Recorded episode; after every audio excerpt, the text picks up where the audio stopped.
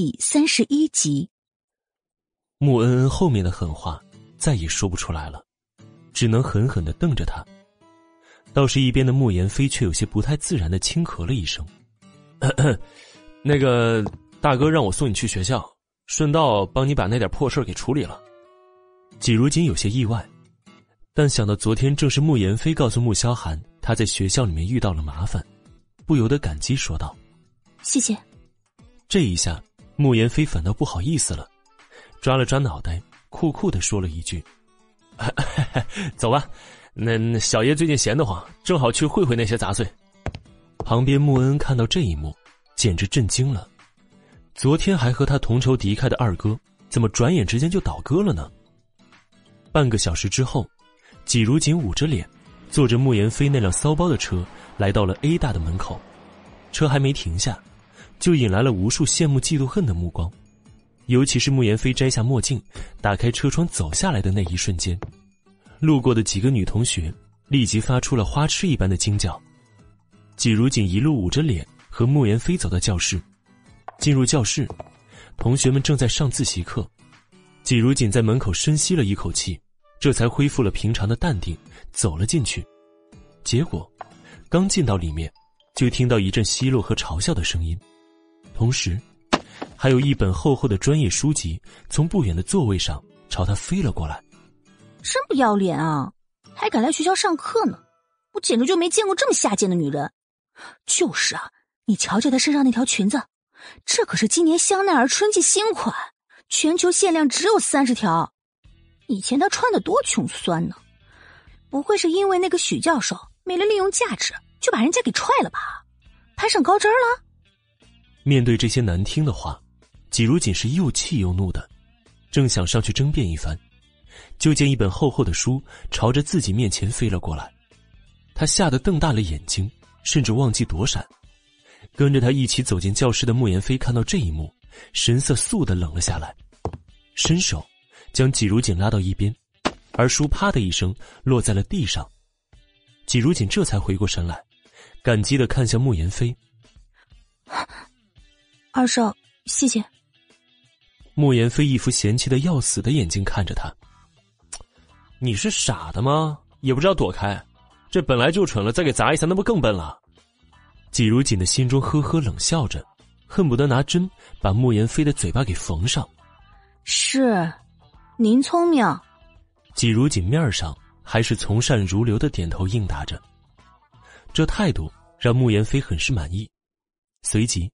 弯腰捡起了脚边的那本书，拿在手上，斜起嘴角，带着一丝玩味的笑容，看着坐在教室里面的同学，然后晃了晃：“这他妈谁的书啊？”“呃呃，这是我的书，刚才不小心手滑了。”赵显一脸“我不是故意”的神情，从中间的座位走了下来，而季如锦看到他，顿时就火气上来了，就是这个人，昨天害得老师晕倒。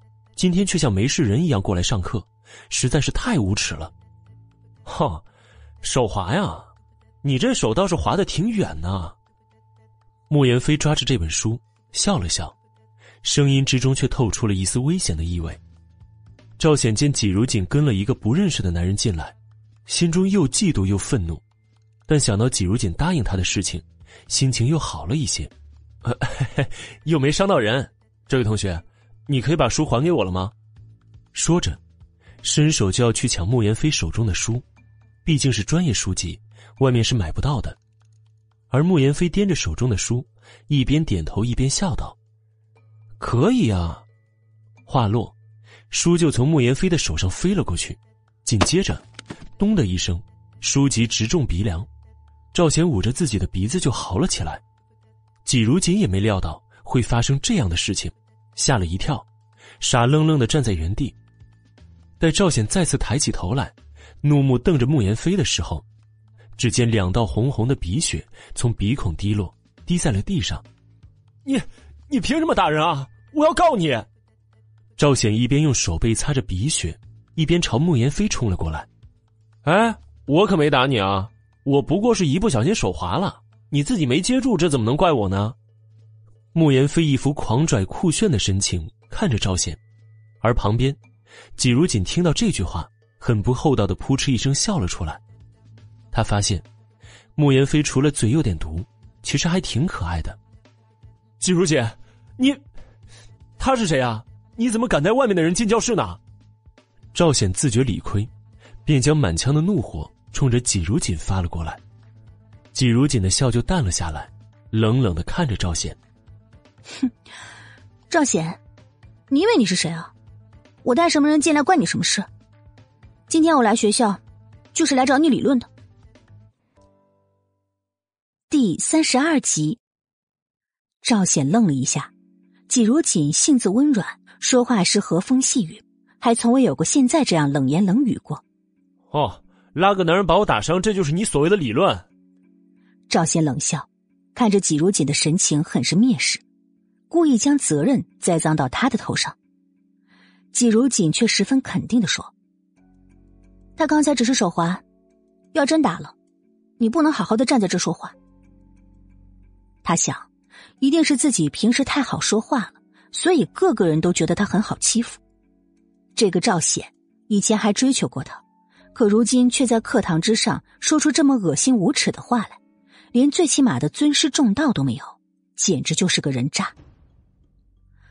我和你无冤无仇，你为什么要污蔑我？将老师气得住院了，你是不是觉得你自己很能耐啊？你这么造谣生事，就不怕举头三尺有神明吗？你迟早是要遭报应的。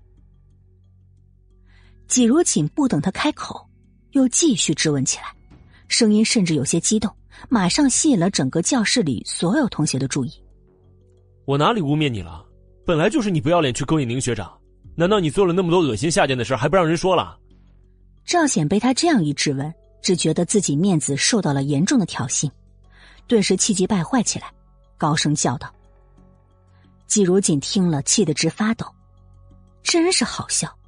当初明明是宁俊找着各种机会追求他的，现在却变成了他勾引宁俊了。这人颠倒是非的本事，还真是有够厉害的。”那你倒是说一说，我是怎么勾引宁俊的？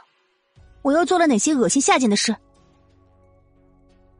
季如锦的声音也高了几分，甚至还带着气愤的颤抖。他紧紧握着拳头，心中满是愤怒。赵显愣住了，他不懂，明明已经在校园网里传得沸沸扬扬的事，季如锦怎么还要再从他嘴里面问一遍呢？这不是自取其辱吗？不过。他自己找死，也就怪不得他了。怎么勾引宁学长的论坛上不说的清清楚楚的吗？人家宁学长明明先喜欢上纪学姐的，结果你因为嫉妒，趁着纪学姐不知情的情况下，故意接近宁学长，甚至还在宁学长面前说自己是纪家的二小姐。宁学长信以为真，这才接受了你的追求。结果三个月之后，宁学长在学生会上再次遇见了纪学姐，这才发现你根本就一直在骗他。但是纪学姐善良，怕你难过，就一直让宁学长先别跟你摊牌。你这女人倒好，看到宁学长和纪学姐订婚了，就联合米乐乐在校园网坛上各种诬陷造谣，分明就是你想害人家吧？啊！你不过是纪家收养的孤女，纪家供你吃供你喝，还供你读最好的学校。你不仅不懂感恩，还处处和纪学姐争抢，简直就是个忘恩负义的贱女人。我还听说啊，你不但在学校勾引宁学长。在纪家也试图勾引纪学姐的哥哥，想趁机爬上几家的床，好从此一跃龙门，成为几家少奶奶。但你也不看看自己的身份配不配？再说了，我难道说的有错吗？A 大这样的学校最不缺的就是有才华的人了。你虽然成绩是不错，但为什么老师要处处偏袒你啊？要我看，八成是你用美色引诱，否则就凭你这样的人，怎么能去学术论坛那种高端地方呢？徐老师就是以权谋私。带着你借着论坛的名义，趁机和你行苟且之事。赵显洋洋洒洒的说了一大通，眉宇间十分自得，却并不知道自己此时的嘴脸有多丑恶。就连座位上的那些同学听了，都有些不大认同了。这件事情，大家背后议论是背后议论，可是这么公然的当着当事人的面前捅出来，确实是有些过分了。季如锦来之前，已经在心里做好了准备。不管听到多难听的言语，自己都是要忍的。可是赵显的话却让他忍无可忍了。赵显，季如锦激动起来：“你说这些有证据吗？你有证据吗？你颠倒是非黑白，你就不怕遭雷劈吗？他气得泪水在眼眶里打着转。季如锦越生气，赵显就越是得意。看到他一副快要气死的模样，心中隐隐的有一种报复的快感。当初他拒绝他追求时，让他有多难堪，今天他就要他有多狼狈。哼，对不起啊，我是无神论者，更何况是你要我说的呀？我只是把网上那些话重复了一遍。季如锦只想冲上去扇死他，却被慕言飞给拉住了。他神情复杂的说：“行了，接下来的事情交给我了。”说完，不知何时，手上多出了一支钢笔。第三十三集，莫言飞将钢笔举起，将笔筒一拧，就有声音从钢笔里面发了出来，而声音的主人正是赵显。起初，赵显并没有意识到莫言飞到底要干什么。而他越听越心惊了，你你想干嘛呀？录音还没放完，赵显就气急败坏的想要过来抢了，但是显然没有莫言飞的行动迅速，一个闪身便躲了过去。哼，干嘛？你说我要干嘛？这些都是你刚才当着那么多人面出言诽谤我嫂子的原话，我录下来，当然是为了做日后上庭的证据啊。莫言飞声音清朗好听，掷地有声。神情更是严肃又充满气势，一点也不像他平时那吊儿郎当的样子了。尤其是那句“我嫂子”，让季如锦整个人都震惊了。是是什么？我没有！你这是故意陷害我！明明就是季如锦要我复述的，那些都不是我说的。再说了，你凭什么告我呀？我又没有做犯法的事情。赵贤整个人已经方寸大乱了。哼，凭什么告你？很快你就知道凭什么了。穆言飞可不会马上就把穆家抬出来，戏要慢慢唱，游戏也要慢慢玩。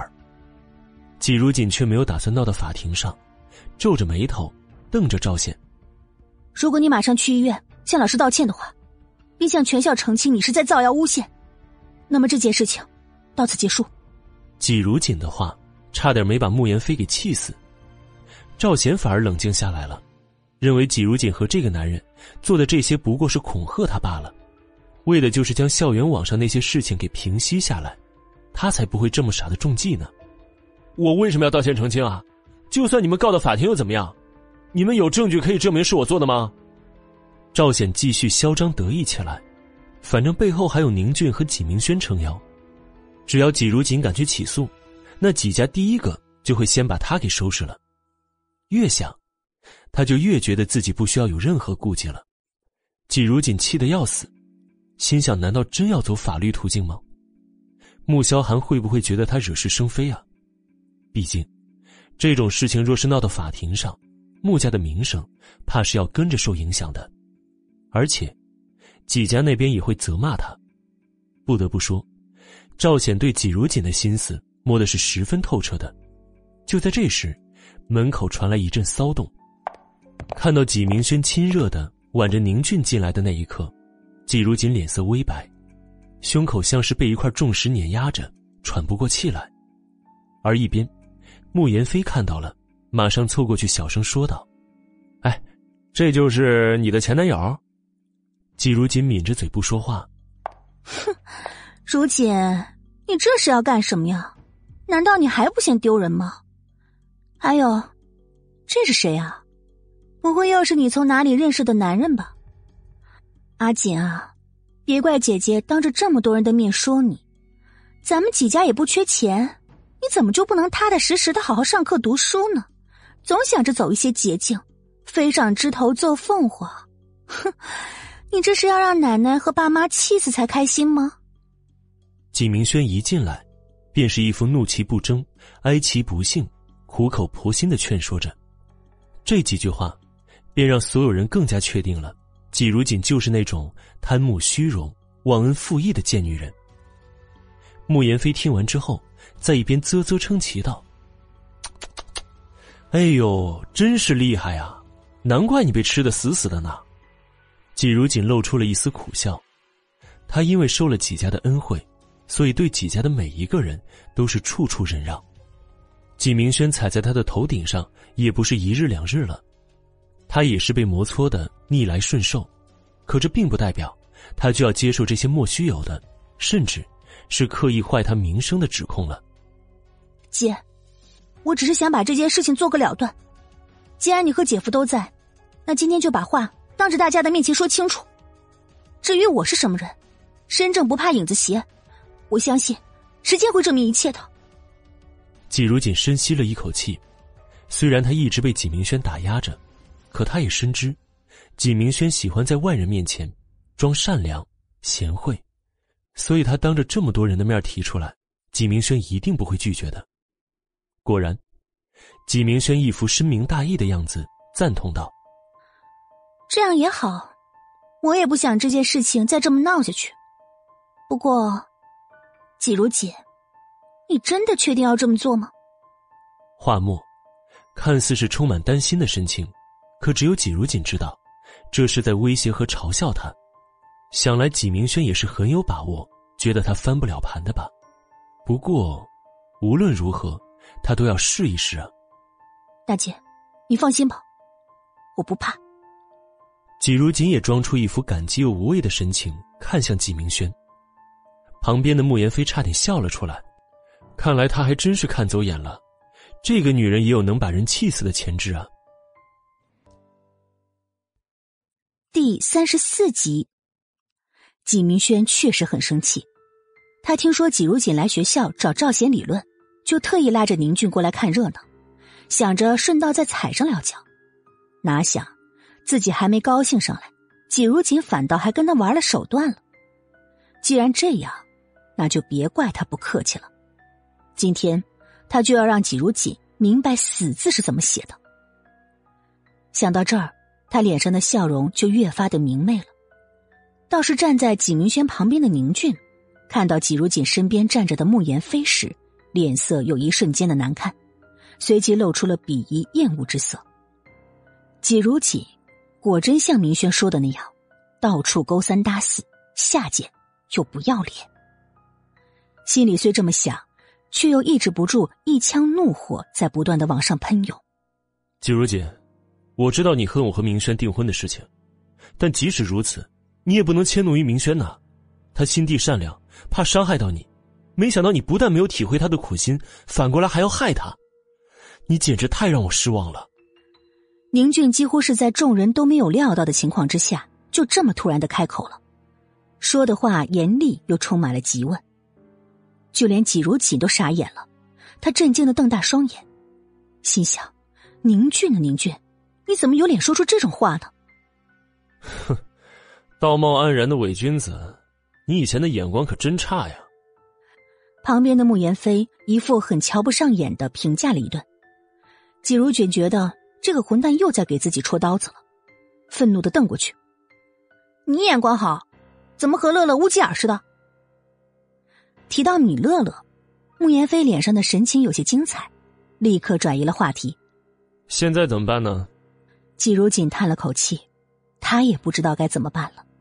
所有人都在攻击他，都觉得是他忘恩负义，可这种事情，又怎么是他三言两语别人就能信的呢？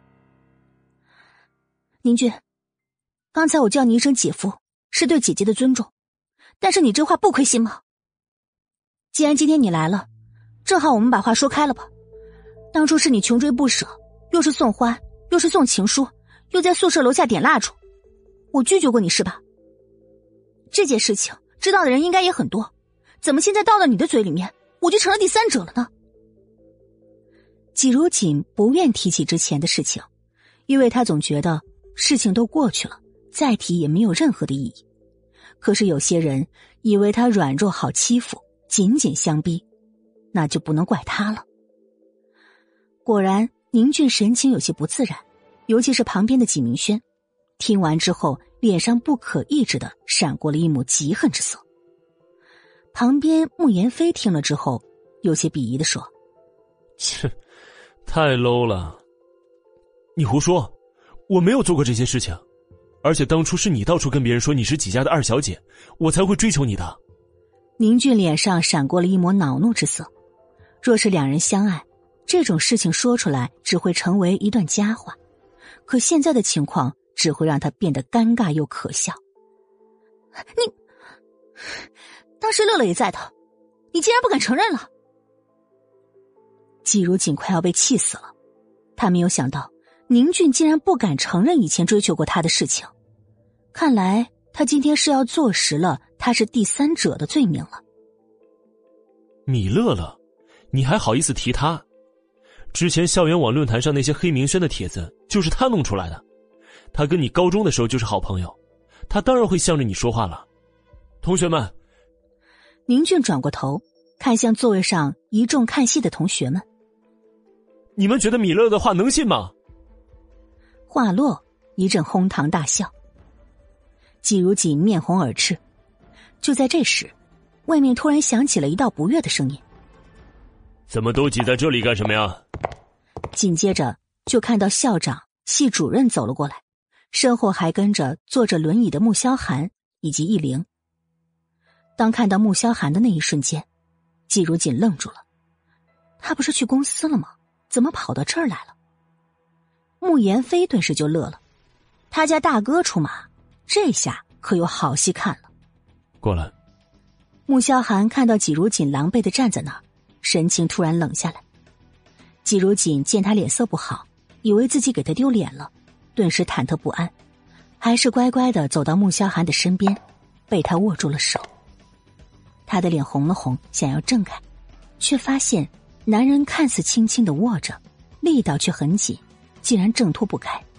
这是校长和系主任看到这一幕，愣了片刻，疑惑道：“哈，沈老、刘主任，这位是我的妻子，季如锦。”穆萧寒正式的将季如锦介绍给了 A 大的校长和系主任。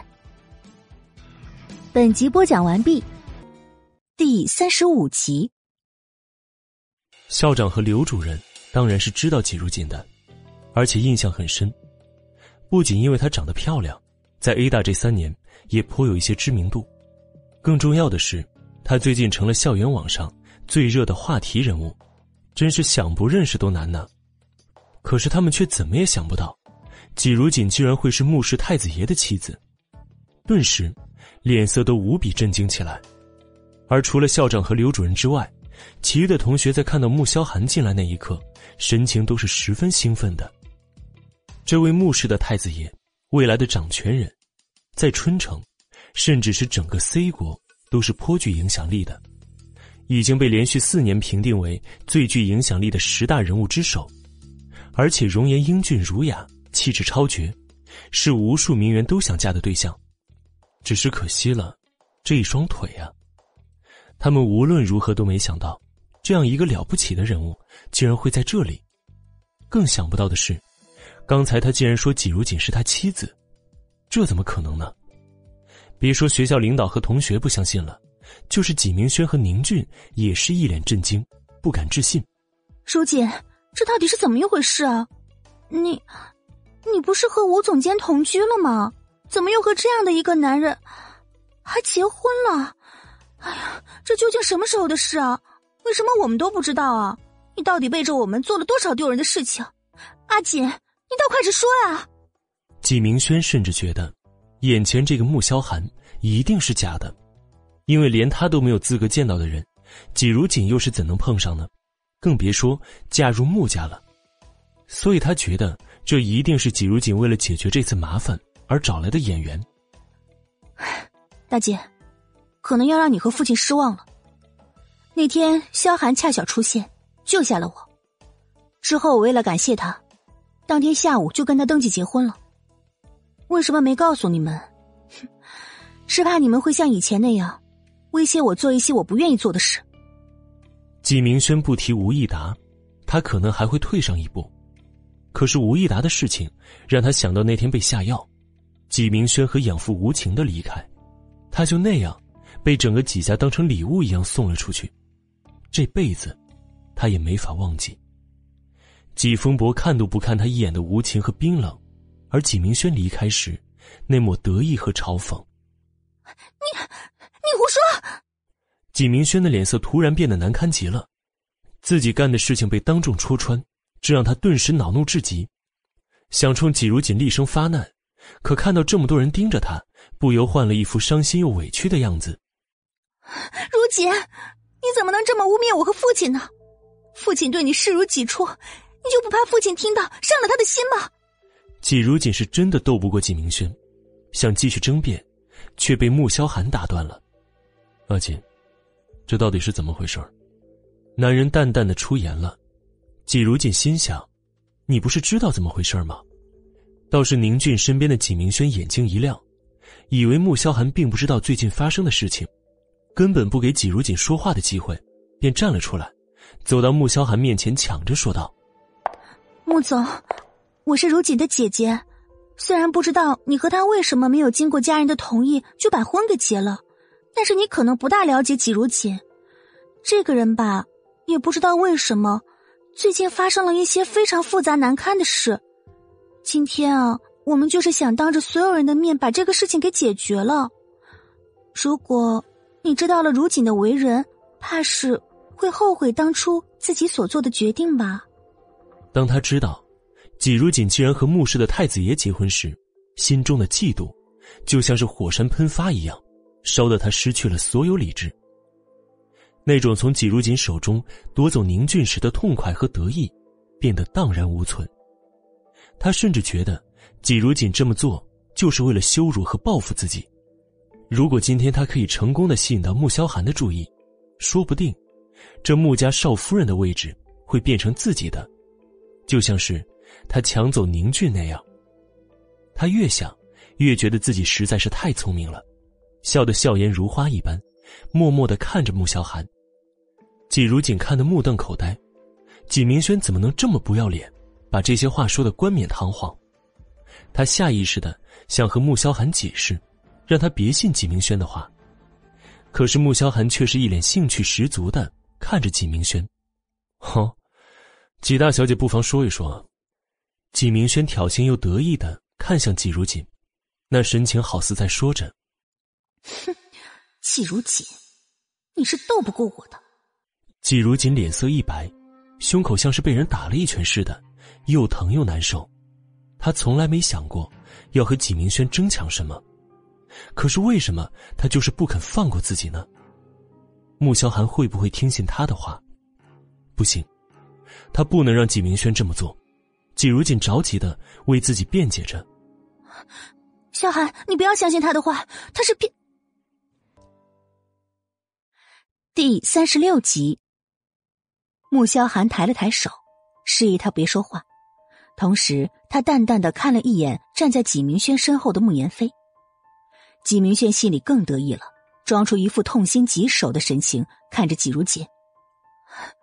如锦，我知道你一直嫉妒我是季家亲生的，而你是被奶奶领养回来的。可是我们全家待你不薄啊，爸妈甚至把你当成亲女儿一样的。我有的，你哪样没有啊？可是你总是要和我争。读高中的时候，你看我上了一中，就吵着要跟我上同一所学校。爸妈为了把你送到一中。花了几百万为学校建了一栋图书馆，还捐了十几万册的图书。上大学，你看我考上了 A 大的服装设计，你也要考这个专业，还是奶奶劝了你好久，你也怕自己不是设计这一块的料子，才填了建筑工程专业。我和阿俊明明是先认识的，你知道之后，不但不告诉我，还偷偷背着我追求阿俊，说什么你是几家的二小姐。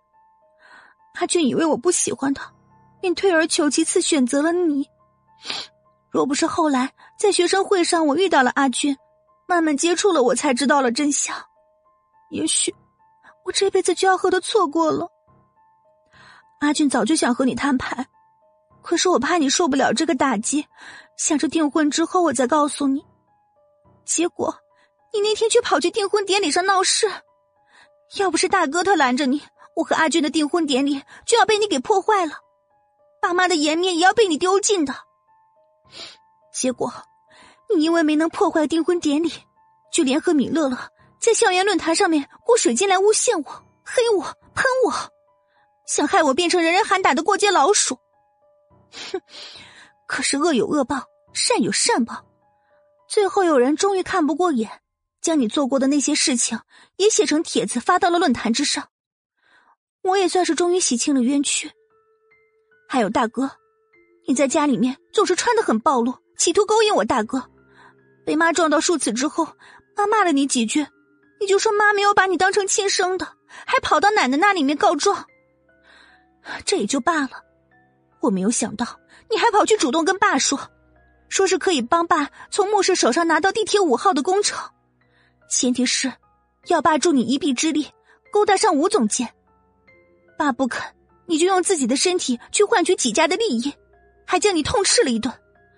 但是没有想到，你不但不知悔改，竟以爸的名义偷偷约了吴总监到饭店，又在饮料里面下了药。爸爸是无可奈何之下，又不得不同意你和吴总监同居的。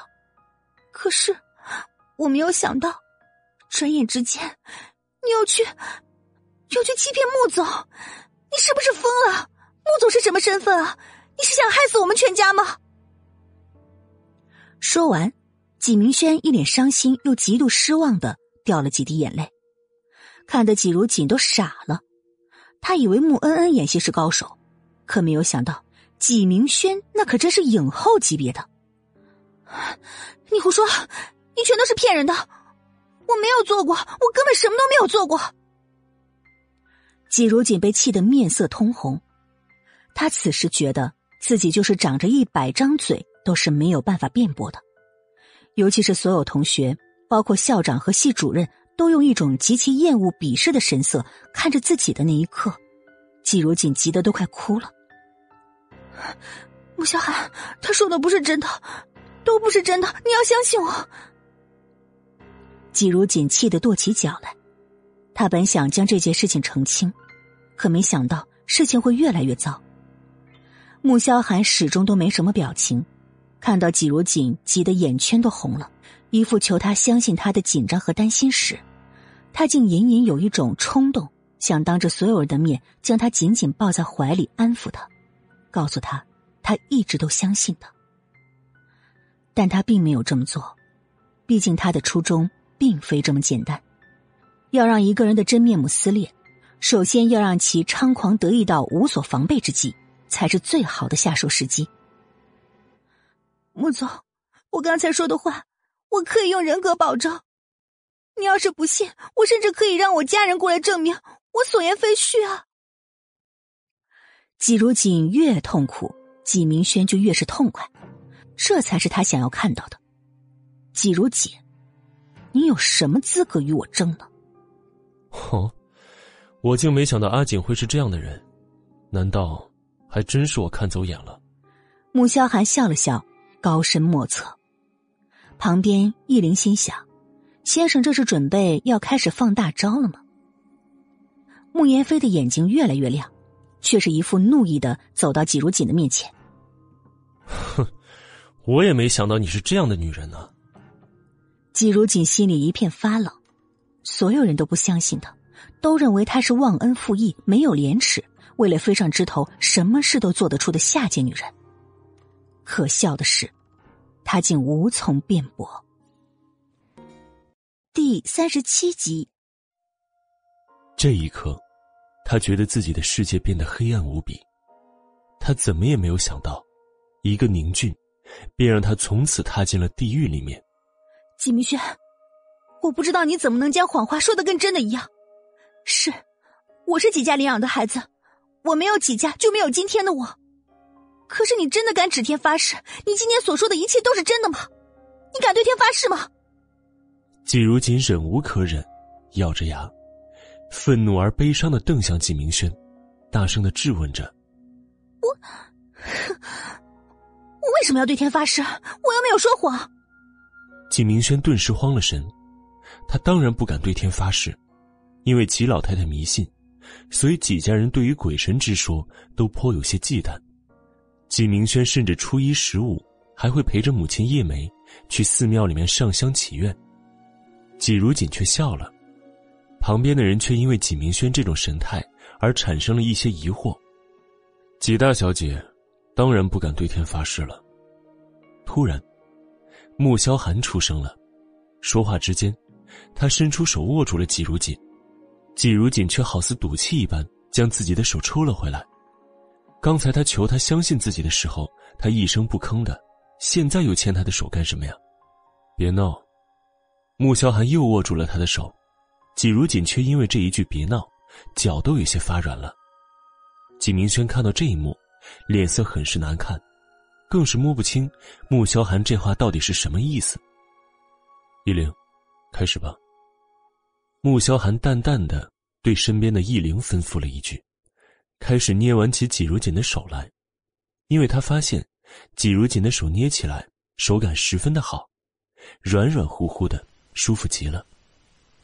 而易灵从手中的文件袋里面拿出了一叠纸，递在了校长和系主任面前。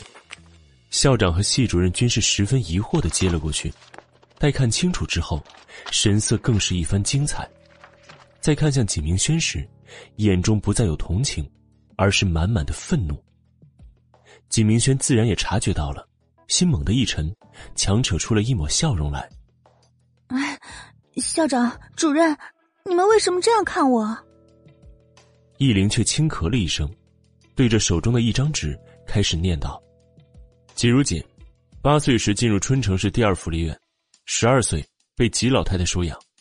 七年之前，季明轩以全班倒数第一的成绩，连普通高中的录取线都没有达到，但其父季风伯捐献三百万，为一中建了一座图书馆，又以做善事的名义，在民间征集了一百二十九万，为一中购买了十万册图书，这才将季明轩塞入一中就读。一年之后。季如锦以全市第一的成绩考入市一中，三年之后，季如锦又以本市文科第一的成绩进入首都百年名校 C 大的资格，却被几家强迫进入了 A 大。季如锦爱好服装设计，却被几家再次逼迫选择了建筑工程业。一年之前，宁俊得知季如锦是几家二小姐的身份，开始对其猛烈追求。半年之后，两人确定了恋爱关系，而三个月之前。也就是去年的平安夜晚上，宁俊和纪明轩在中信广场 KTV 的五楼遇见。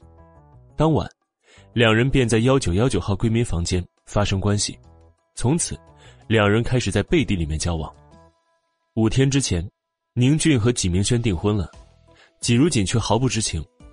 从同事参加学术论坛回来，听到好友米乐乐说起宁俊和纪明轩二人订婚的事情，于是赶往世纪倾城酒店寻求真相。与此同时，赵显在校门口将季如锦赶往酒店的消息发给了宁俊。当季如锦赶到酒店还未到达婚礼现场时，却被宁俊拦住，带到了试衣间里面。随后，宁俊便提出分手离开。网上攻击纪明轩的帖子确属米乐乐所为。第二天，纪家将季如锦叫回家，要求他删帖，并出面澄清纪明轩不是第三者，被季如锦拒绝。在季如锦离开半个小时之后，纪明轩打电话至赵显的手机，要求他写一篇攻击季如锦的帖子，并雇水军深度黑化。我这里有二人的通话时长记录，并附有 IP 跟踪记录，以及所有水军的 IP 地址，并已将所有资料发至警察局，交由警局跟踪处理。至于纪明轩所说的吴益达一事，当时季如锦被纪明轩和其父纪风伯下药，眼看要被吴益达玷污。恰好我和先生经过，听到纪小姐的求救，及时将服务员打开了包厢，将纪如锦从吴益达的魔爪之下救出。同时，吴益达已被穆氏开除，并下令封杀。在这里，我代表穆总和纪如锦小姐，正式通知纪明轩、宁俊、赵贤等人，穆总将以诽谤、损害纪如锦小姐名誉、穆氏名誉以及此事对纪如锦小姐和穆氏造成的伤害和损失。正式向法院起诉，不日，法院将下发诉书。第三十八集，易灵对着手中的文件简要的读了出来，这下整个教室像炸了锅似的。纪明轩站在那儿，浑身发抖，脸色十分的难看，他怨恨的瞪向纪如锦，似乎要吃他的肉，喝他的血一般凶狠害人。宁俊脸色更是不好看了，他没有想到自己和纪明轩做的事情，穆家竟然调查的一清二楚。耳边不断有响起一些同学的惊叹声。这下真是让人不信都不行了，连房号和酒店都公布了，穆家果然名不虚传呐。可不是嘛，真没想到，纪明轩和宁俊竟然这么的无耻之极，一脚踩两船也就不说了，当姐姐的竟然这么陷害妹妹，就算季如锦是几家领养的，这差别也太大了吧？抢人家的男朋友还要装出一副白莲花受害者的模样，害得我们啊都误会了季如锦。我也是第一次见到这么恶毒至极的女人，这出戏简直刷新我三观呐，节操都碎一地。哼，这赵贤也不是个好东西，一直煽动我们去攻击季如锦，结果他跟景明轩才是一伙的。哎，你说这景明轩不会还和那个赵贤有一腿吧？不然的话，干嘛这么帮他呀？这种事可是要遭报应的。这几家忒不是东西，竟然这样对一个养女！那纪明轩就更不要脸了，明明是他们父女想把纪如锦送到那个吴亦达的床上去换取利益，结果反说什么纪如锦主动的。哼，我今天算是见识到什么叫做颠倒黑白了。喂，难道只有我一个人觉得穆大公子好有老公力的吗？虽然坐着轮椅，可是他好帅啊，有没有？不动声色的就将渣渣虐了个灰飞烟灭呢。季如锦整个人如置梦幻之中，脑子里一片空白。以至于后面穆萧寒对校长和系主任说了什么，他全都没听进去。直到上了车，他回过神来：“你刚才那么做，是故意的。”季如锦神色有些复杂，看着旁边的穆萧寒，因为太过震撼，并没有发现某人还在捏着他的手。嗯，男人只是淡淡的应了一声，捏了捏季如锦的手，心想。真是有点舍不得放手。季如锦还以为能听到点别的，结果就只有一个“嗯”字，顿时不知该说什么好了。等他静下来，又开始头疼。接下来怕是景明轩回季家之后又要狠狠的闹一场了吧？就算是赢了这场仗又怎么样呢？季家要是知道景明轩受了这么大的委屈，怕是会杀了他的心都有吧？想到这儿。他又有一些担心。这时候，他的手机突然响了，拿起来一看，是米乐乐打的。刚接听，就听到那头不满的嚎叫声：“阿锦，你太不够朋友了吧！既然要去打纪明轩的脸，你为什么不叫上我一起啊？害我错过了这么一场好戏。还有，哎，你怎么就成穆家大少奶奶了呢？你到底瞒了我多少事儿啊？不行，我马上要见你，你在哪儿呢？”季如锦的耳朵被电话里的叫喊声震得发疼了，他皱着眉说：“我现在准备去医院看老师呢。”挂了电话，季如锦叹了口气，又想到事情能够这么顺利的解决，还是多亏了穆萧寒，于是感激的看向他：“今天，谢谢你啊。”我说过，你该享受的权利一向也不会少。穆萧寒皱了皱眉，他不大喜欢季如锦跟他这么客气。再者，穆家也不能有一个满是污点的少夫人，所以你不必有任何心理负担。季如锦大窘，什么叫满是污点呢？这下他心理负担更大了，好吧？那个，事情已经澄清了，那个起诉可不可以就算了呀？季如锦并不想将事情闹到法庭上。也想给自己留一点退路，毕竟季家与他有恩，不能让老太太伤心。穆萧寒抬起头，神情冰冷，甚至有些严厉。季如锦，你以为自己是谁呀？我说过，你可以享受做妻子的任何权利，但并不代表你可以影响我的决定。记住，我和你的婚姻只是协议和利用的关系。季如锦没想到穆萧寒会这么生气。顿时吓了一跳，同时胸口也有些莫名的发堵。车内顿时陷入了一片可怕的沉静，就连前面开车的易灵也变得小心翼翼的。十几分钟后，就在季如锦快要被车内的低沉气压给闷得半死的时候，终于车子到了医院门口停下。季如锦不敢再多待一秒钟，打开车门跳了下去。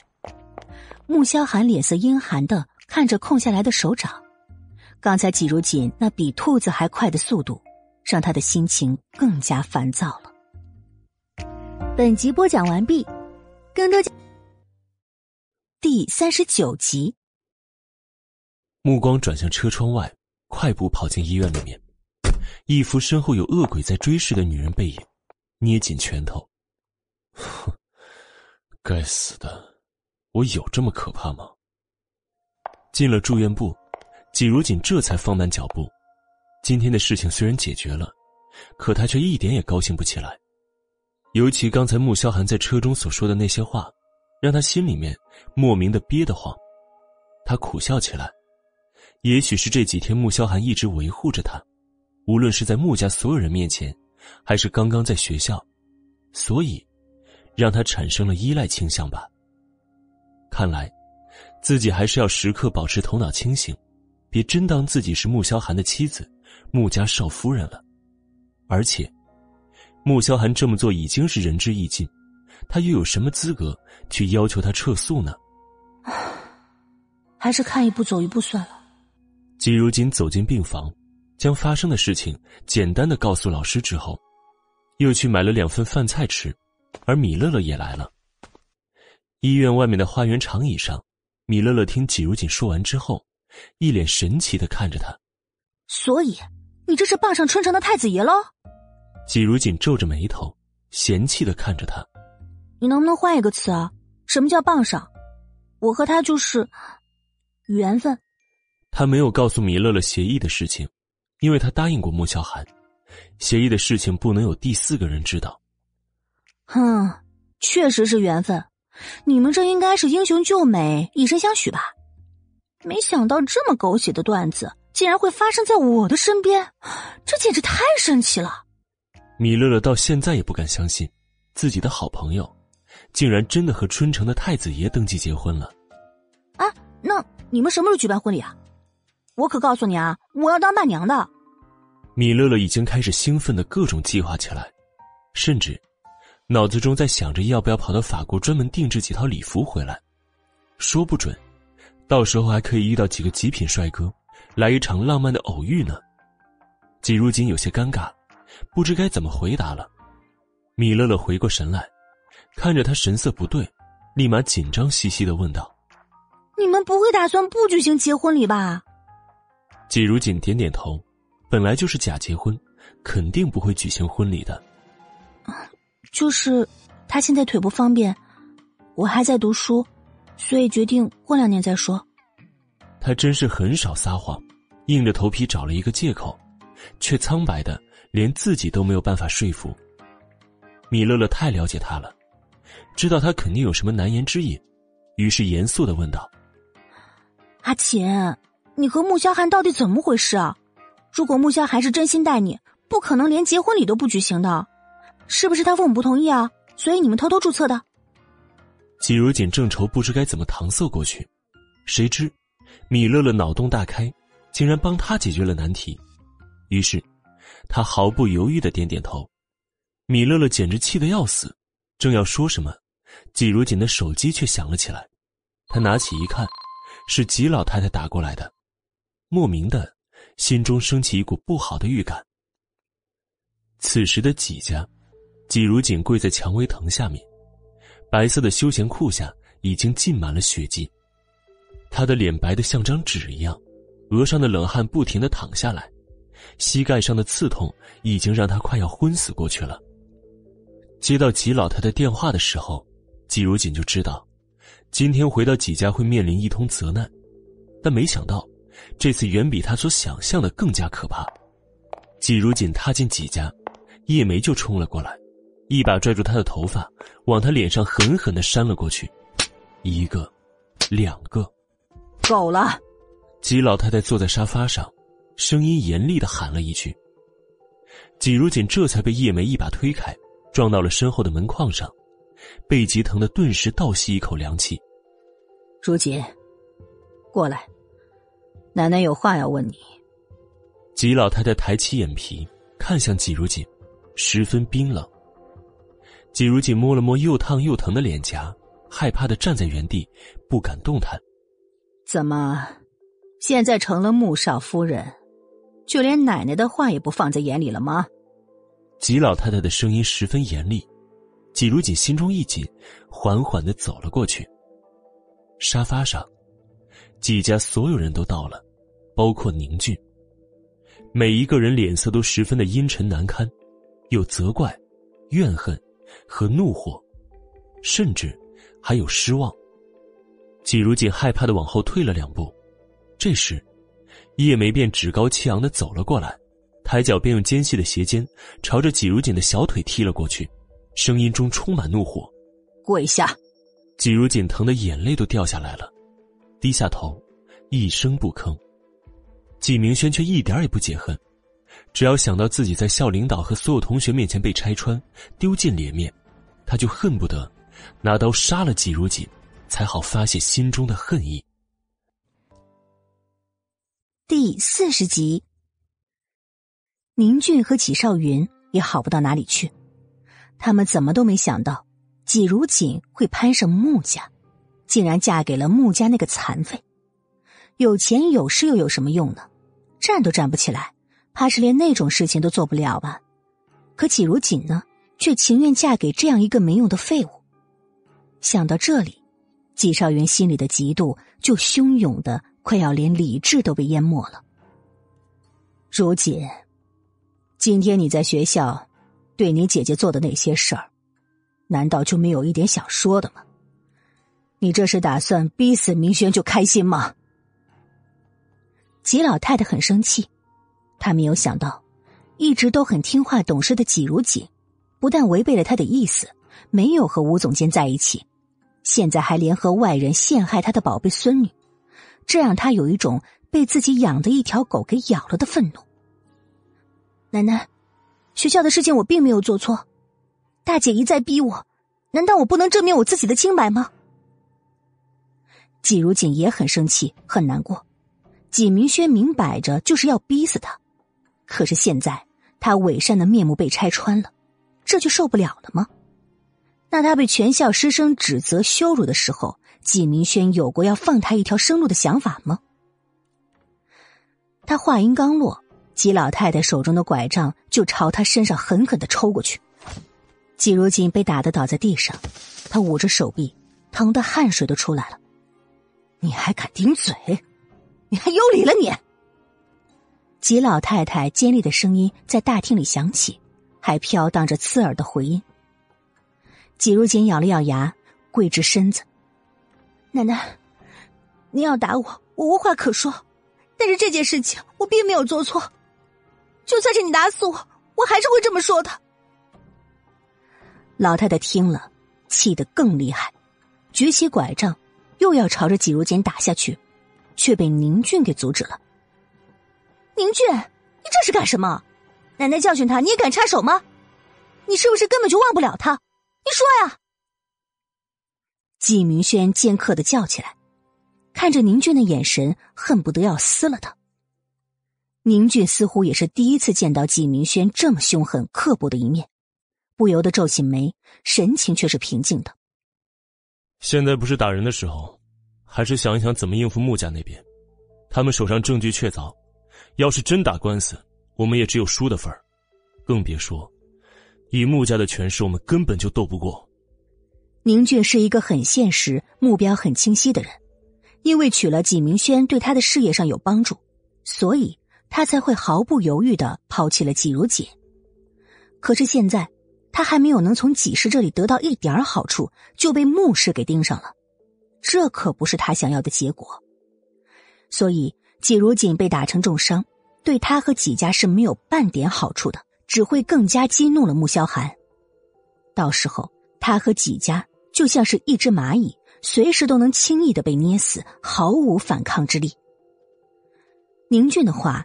让纪风伯也意识到了事情的严重性，神色阴冷的看向了纪如锦：“你和穆家太子爷到底怎么回事啊？怎么结婚这么大的事情也不跟家里说一声，就把证给扯了？”纪风伯的态度没有其他人那么尖酸刻薄，可是纪如锦却知道，这个家里最现实、最冷酷的莫过于纪风伯了。事情突然，我没有来得及跟奶奶和爸爸说，是我的不对。季如锦怎么敢说呀？穆家那是什么地方？季家想攀高枝，都快要想疯了。要是让他们知道他和穆萧寒结了婚，还不得使出各种手段逼他向穆家索要好处吗？可他和穆萧寒的婚姻是怎么来的，他心里是最清楚的，这是不能公开的秘密。他更没有忘记今天的穆萧寒在车上的那番警告。算了，这件事情我们就不追究了。既然现在我们和穆家是一家人了，你去跟穆家说一说，让他们不要起诉了。一家人以和为贵嘛，这件事情要是闹大了，丢的是两家人的颜面。还有，既然穆萧寒把吴一达给开除了，那你去问问他，几时可不可以拿到穆氏手中的地铁五号线的开发权？还有，你大姐的工作，她不是被穆氏旗下的服装设计公司给录取了吗？我前阵子听说那家公司的首席设计师要去法国开办分公司。国内的这家公司的首席设计师的位置就空出来了，你姐姐是拿过大奖的，不如由你姐姐做这个首席设计师啊！这件事情你要是办好了，那就是我们几家的大功臣，啊！你在学校对你大姐做的那些事情，我们就不追究了。季风伯站起来，说话时没有半分和颜悦色，而是上位者命令一般的语气，对着季如锦发号了施令。季如锦听完。整个人都惊呆了，他完全没有想到季风伯会如此厚颜无耻，竟然一口气提出这么多过分的要求。不说他和穆萧寒只是假结婚，即便是和穆萧寒真心相爱的，他也是绝对不可能答应这么做的。本集播讲完毕，更多第四十一集。爸，对不起，你说的这些。我没有办法做到。季如锦缓缓说完，闭上双眼，等着吉老太太的拐杖再次落下。打吧，只要打够了，让他们出气了就好了。季如锦，你别以为现在是穆家少夫人，我们就不敢拿你怎么样了。我是你父亲，就是打死你，穆家的人也不敢放一个屁。爸，依我看，你们还是打得太轻了。外面不是有很多蔷薇花吗？那藤上都是刺儿，不如砍过来两捆，让他跪在上面，我看他答不答应。纪明轩靠在沙发上，笑得明媚的看着季如锦，眼中闪烁着恶毒而兴奋的光芒。很快，就有佣人戴着胶布手套，抱着两大捆的藤条，放到了门口台阶下面的地面上，又一层一层的铺开。季如锦浑身痛的难受。被纪明轩和叶梅拖到外面，看到那布满尖刺的蔷薇藤时，脸霎时就白了。平时，他摘上一朵花的时候，不小心碰到手指，都会疼上好半天。可如果跪在这些藤上，如锦，这是你最后的一次机会，你到底去不去做？去，以后你回纪家，所有人都会对你客客气气的。像真正的季家二小姐，如果不去，这藤条跪下去可是很疼的。吉老太太的声音出现在身后，拄着拐杖走了过来。季如锦苦笑起来，心中冷得他浑身发凉。奶奶，我还是去跪藤条吧。他没有反抗，缓缓走下台阶，咬着牙跪了上去。尖刺扎进肉中的疼痛，令他的脸惨白一片，冷汗瞬间淌落下来，疼得快像是要呼吸不过来一样，咬着牙，却仍是没忍住的啊的叫了起来。这一幕，令身边的几个佣人全都看到了，都被吓到，捂着嘴，这才没发出声响。宁俊也微不可察的皱着眉头，吉老太太冷酷的看着这一幕。季风伯则是恼怒的哼了一声，转身走了出去。唯独是叶梅和纪明轩，看着他越疼，叫得越惨，心里就越痛快，抑制不住的愉悦感从脸上洋溢出来。纪少云到底还是心疼，想上去将纪如锦拉起来，却被叶梅一记冷眼瞪住，警告着说道：“少云，你可别忘了，可是这个女人害得你妹妹身败名裂的。哥，我看你就别自作多情了。他和那个穆家太子爷可亲热了，一直手牵着手呢，跟胶水粘住了似的，一刻都分不开。”纪明轩十分擅长去挑拨一个人的怒火，就像此刻，他满脸嘲讽的话。便让纪少云心中对纪如锦那点怜悯，全都化成了浓浓的怒火。纪少云阴冷的看了一眼跪在藤条上，咬着牙，疼得快晕死过去的纪如锦，转身走了进去。一个小时过去了，纪如锦觉得自己的腿已经完全没有知觉，他也不知道自己是凭什么在坚持着，只知道自己绝不能倒下。而楼下。站在房间窗口，一直紧盯着楼下的纪少云，看到他摇摇欲坠的样子，心中烦躁至极，最终，还是暗骂了一句，转身走了出去。吉老太太的房间里面，纪少云推门走了进去，就看到吉老太太坐在椅子上看着佛经，他不由冷笑：老太太信佛，但是手段却一点没有佛家中人的慈悲善良。奶奶，让如锦起来吧。季如锦被佣人扶起身子时，已经站不稳了，他的腿上，从膝盖往下的地方，布满了密密麻麻的血点，看着十分瘆人。季少云走过去，弯下腰，凑到他耳边低声说着：“哼，如锦，你看，最终还是我救的你。你的穆萧寒在哪儿呢？要没有我向奶奶说情。”今天你就是死在这儿，又有谁会可怜你啊？季如锦咬着牙，身上冻得发抖，更因为纪少云的话而难过不已。是啊，他就算死在这里，又有谁会可怜他呢？别人都是父母疼，可他的父母在哪儿？头一次，季如锦是如此怨恨将他生了下来，又将他抛弃的父母，而至于穆萧寒。他并没有权利，也没有资格去影响他的决定。所以，这个男人对他来说，其实不过是一个无关紧要的人罢了。大哥，谢谢你。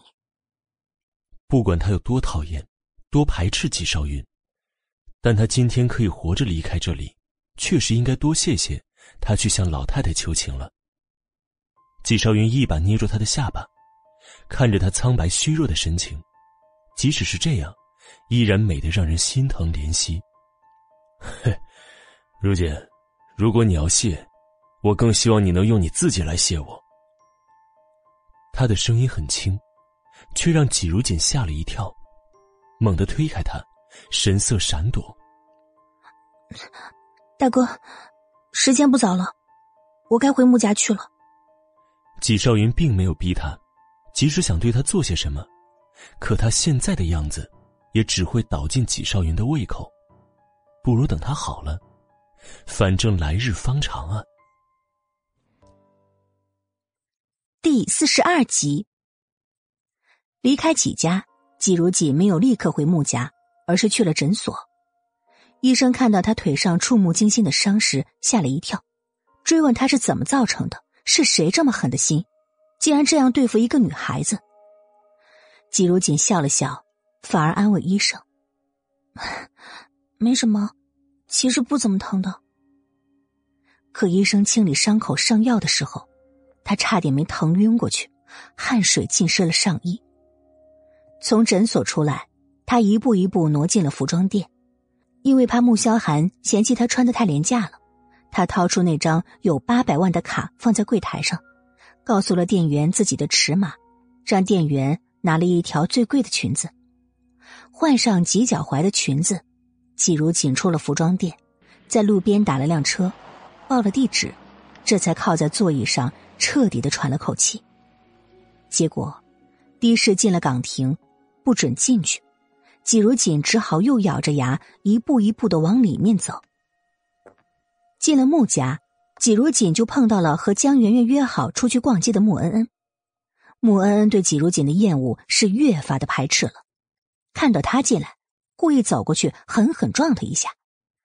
季如锦强撑着从岗亭走过来，花了大半个小时，最后一点力气都快耗尽了，再被穆恩恩这么一撞，毫不意外的便倒了下去。穆恩恩立刻跳起来：“嗨，你这个女人，你竟然敢玩这种把戏！别以为故意装摔倒，我就会被你吓到。”季如锦什么也没说，咬着牙强撑着站起来，看也没看穆恩恩，往电梯走去。穆恩恩更加不爽了，心想：他这是什么态度？抬脚就朝季如锦追了过去。喂，你给我站住！站住！你听到没有？季如锦并没有理会，继续艰难的往前走，还没走出两步呢，便被穆恩恩从身后猛地一推。撞到了前面的台阶扶手上，脑袋一阵发晕。哟，你这柔柔装的是不是有点装错时候了呀？我大哥现在不在家，这装给谁看呢？你？穆恩看他额头撞出来的伤，丝毫没有愧疚感，反而十分得意的环着胸，鄙夷的嘲笑他。季如锦也不知道从哪里来的力气，猛地站起来，怒瞪着穆恩恩：“你是不是有病啊你？”我招你惹你了？自己跟疯狗似的追着人咬，你还想做什么？是不是要我死你才开心？行，来啊！你杀了我，来啊！穆恩恩被吓到了，这还是他第一次被人这么暴吼，更何况季如锦总是一副好欺负的样子，让他产生了一种可以随便欺负的错觉。他不知道季如锦今天都遭遇了什么，更不知道。人被逼到了极致，是真的恨不得死了干净的。我，我也告诉我哥去！你竟然凶我，你骂我！穆恩恩吸着鼻子跑出去了。季如锦看着门口消失的背影，笑了笑，转身往电梯走去。晚上，穆萧寒回来，餐桌上并没有看到季如锦，于是问了齐叔。齐叔说：“季如锦回来就一直没有下楼，敲门也没有声音，估计是太累睡着了吧。”穆萧寒以为他在因为下午的事情而闹情绪，心里冷笑起来：“哼，还真当自己是穆太太了，还敢使小性子？不想吃饭，那就饿死算了。”穆恩恩见大哥心情不好，想到今天季如锦吼自己的事儿。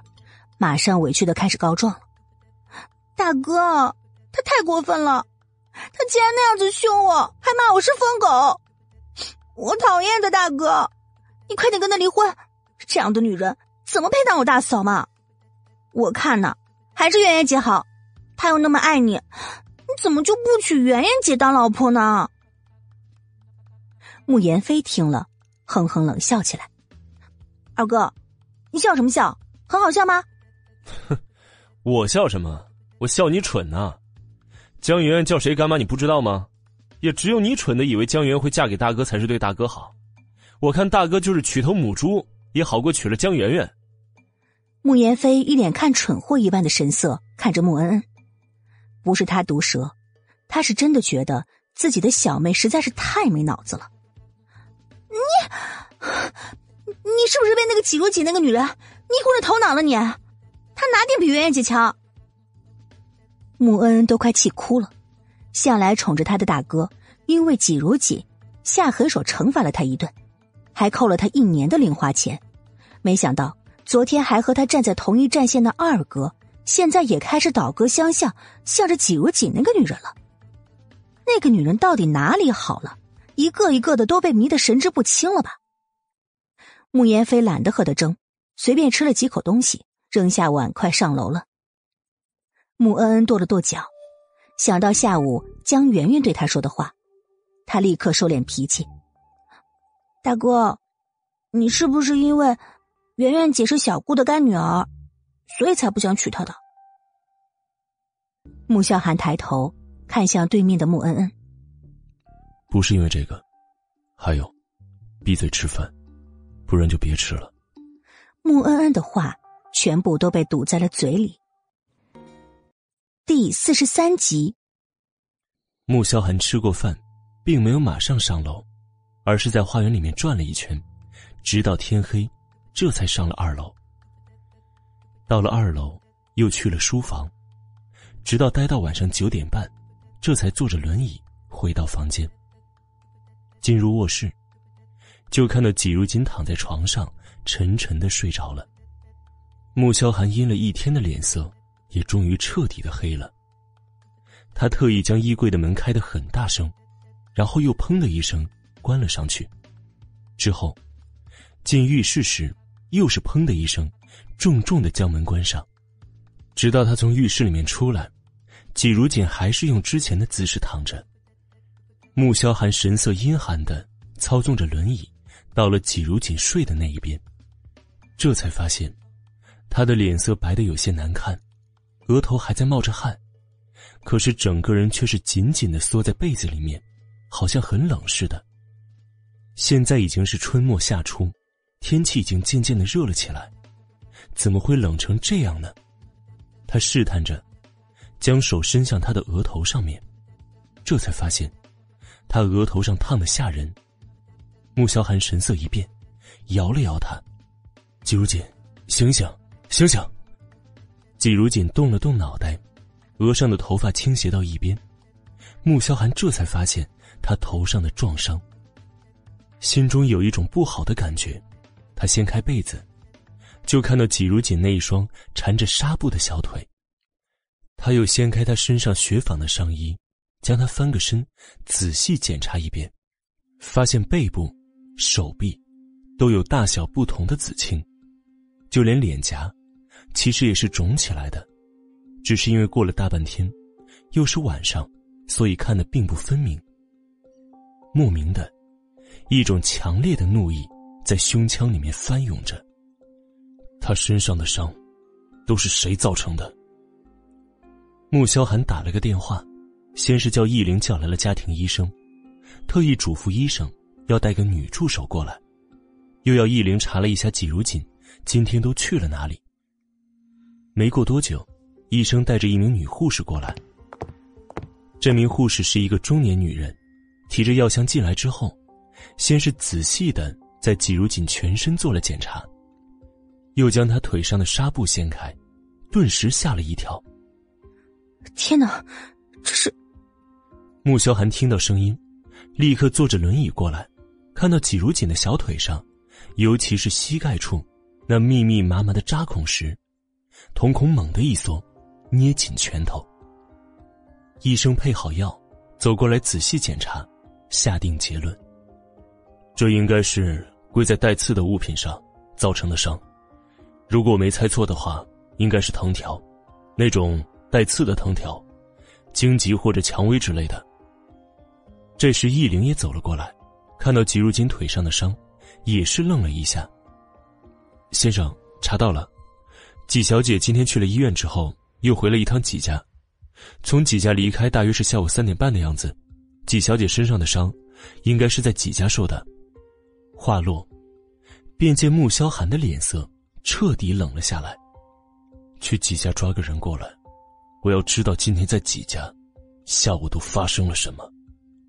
听到这句话，易林愣住了，显然是十分惊讶。先生向来理智。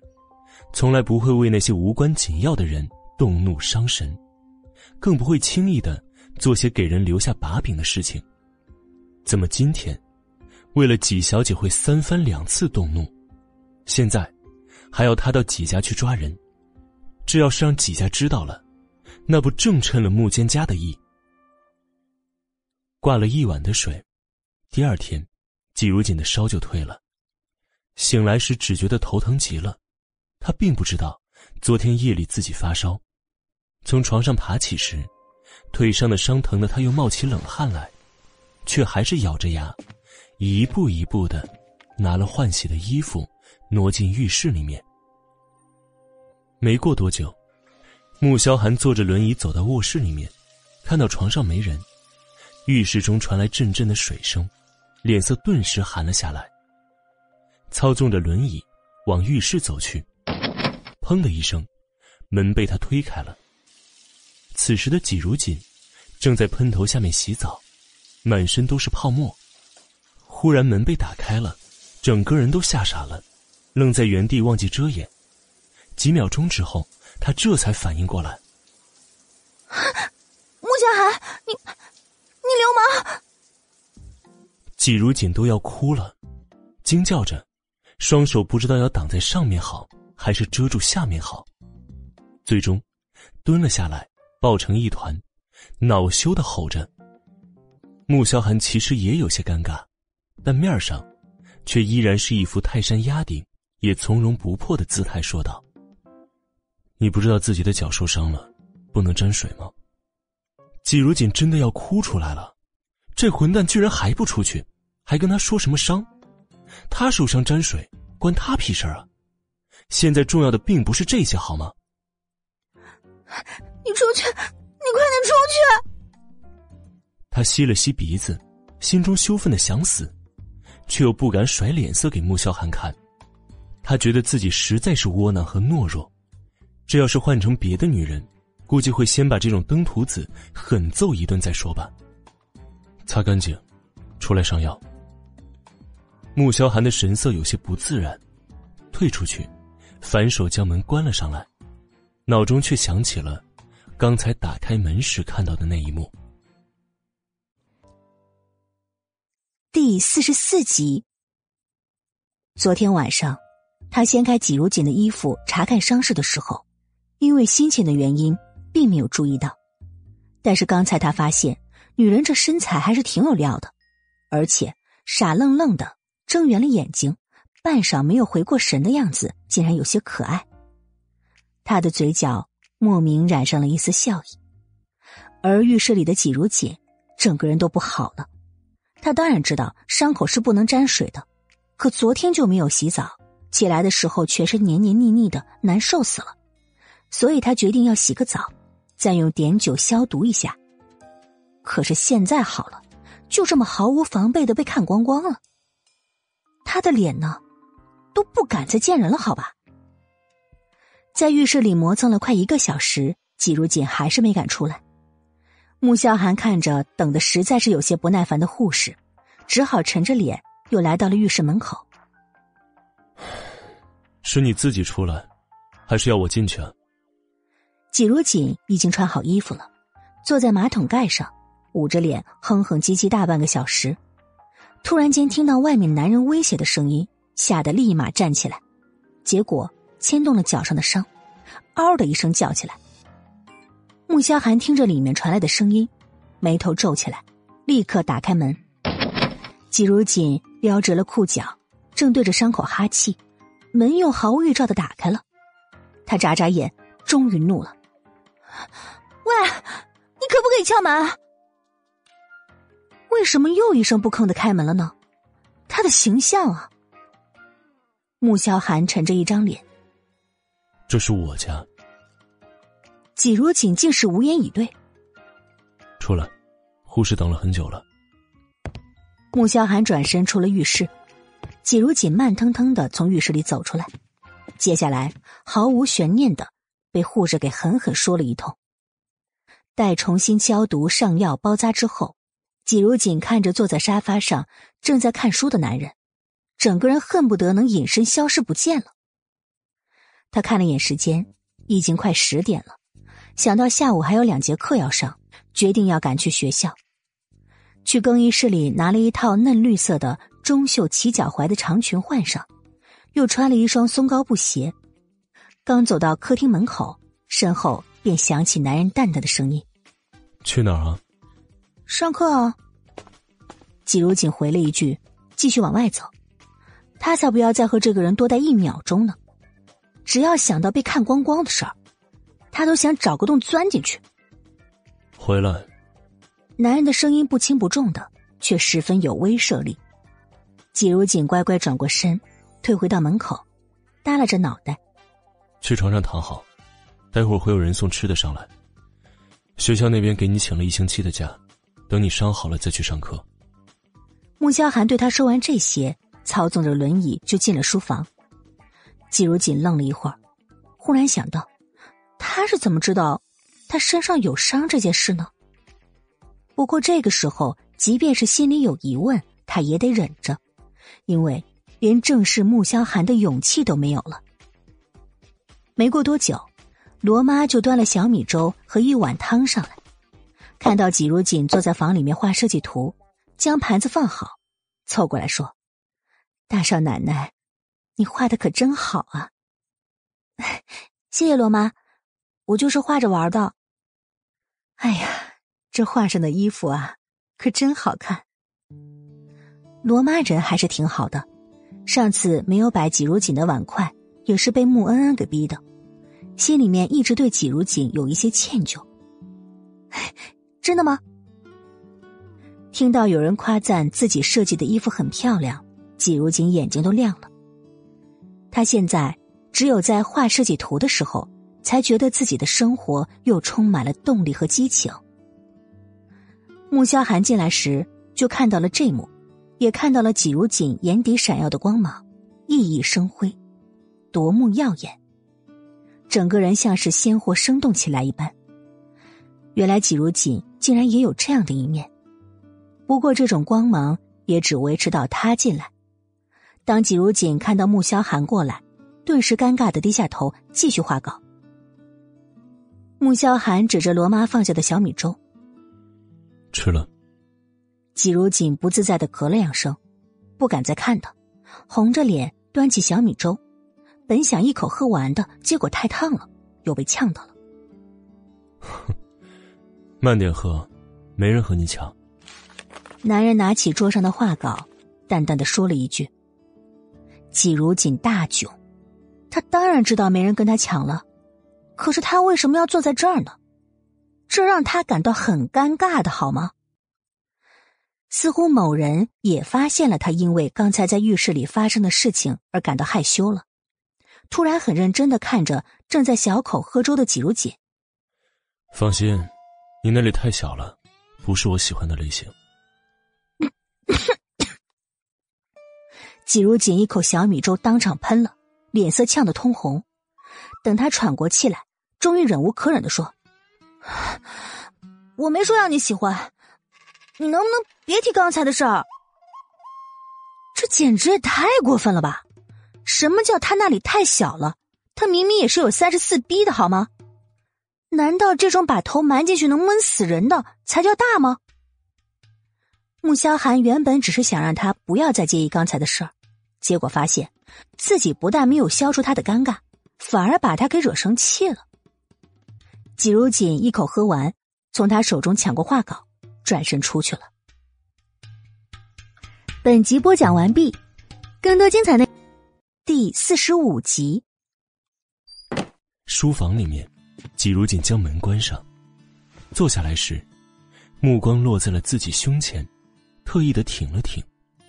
再想想，季明轩似乎就挺大的，得有三十四亿了吧？宁俊是不是很喜欢啊？等等等，打住打住，他怎么会想这些事情呢？季如锦拍了拍脑门，将注意力全都投放在面前的设计稿上。老师说了，会将他画的设计稿寄给在米兰席恩季大师。席恩季可是服装设计界的鬼才级别人物，虽然作品不多，可是每一件作品一旦问世，都会造成全世界级别的轰动。有好几款作品，甚至被人以天价收藏买了下来。而席恩记的徒弟 D.K. 也是名声斐然，各种设计大赛的金奖。拿到手软，更别说所设计的作品，哪怕还没面世，也会被预定一空。许多天王天后级别的明星，也会因为穿上这位设计师的作品而感到骄傲。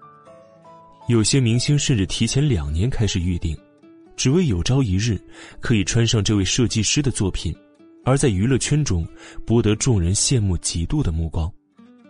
如果他可以成为席恩记。不只要成为 D.K 的徒弟，他做梦估计也会笑醒了。季如锦画起画稿时，便忘记了身上的痛苦，十分的投入。直到天色暗了下来，一阵敲门声响起，这才令他从画稿里面抬起头来。他伸个懒腰，又站起来揉了揉有些发酸的腰，这才慢慢的走过去，打开门，就见穆萧寒坐在轮椅上。吃饭了。季如锦点点头，转身走了回去，一边低头收起画稿，一边吸了吸鼻子。真是要命了，他怎么一见穆萧寒就如此害羞呢？你先下去吧，我把稿子收好，马上就下来。他慢腾腾的收着画稿，一边低声说着，并没有发现穆萧寒已经走了进来，就停在后面。一起吧。季如锦被身后的声音吓了一跳，他直起腰来，习惯性的往前走了两步，膝盖正好撞在了桌腿上，顿时疼得脸都皱了起来。季如锦将手放在膝盖上，想碰，却不敢碰，气都喘不过来。快坐下，我看一看。穆萧寒立即拉开椅子，让他坐下，说着就要去掀她的裙子。季如锦反应过来想阻止时，却已经晚了。她的裙子被撩到腰上。啊，你你走开，我没事的，我不疼了。季如锦简直快要疯了，穆萧寒这个混蛋，到底是要看他的伤，还是要趁此占他便宜呢？穆萧寒也愣住了，目光紧紧落在他紧夹着的双腿上。有些移不开来。季如锦顺着他的目光看去，脸更红更烫了。此时，膝盖上的痛苦全都变成浮云了。他恨不得一巴掌朝着穆萧寒的脸上拍过去，并大骂一声“臭流氓”。但是啊，他是有这心没这胆儿，立刻咬着嘴唇，将裙子放下，遮住了重要的部位。你的腿，我看一看。穆萧寒这才神色淡定的指着季如锦的小腿，季如锦却并不敢把腿给他看，缩了缩说道：“没，没事。”啊穆萧寒抓住季如锦的腿，放在自己的腿上，这次只是小弧度的掀开裙子，看着纱布上面泛着血点，就知道刚刚那一撞，伤口又裂开了。他缓缓的掀开纱布，果然。好几处刚才结了痂的地方又在渗血，脸色蓦地沉了下来。看着季如锦的神色，颇有一些责备：“这是没事吗？好好的也能撞成这样？”季如锦动了动嘴唇，心想自己撞成这样，不还是拜他所赐吗？却并不敢说出口。要不你先下去吃饭吧，我先涂药。季如锦只想将穆萧寒支走，毕竟到现在。他的脸还十分烫着呢，而且，男人的手还放在他的小腿上，热热的，麻麻的，实在是十分难受。坐着别动。说完，放下他的双腿，操纵着轮椅走出书房。季如锦并不知道他要去干嘛，提起裙摆，起身慢慢挪到门口，就见他拿着药箱回来了。不是让你坐着别动吗？男人神情一副你怎么不听话的样子，季如锦伸手接过药箱，去坐好。男人没给，指着沙发命令般说道。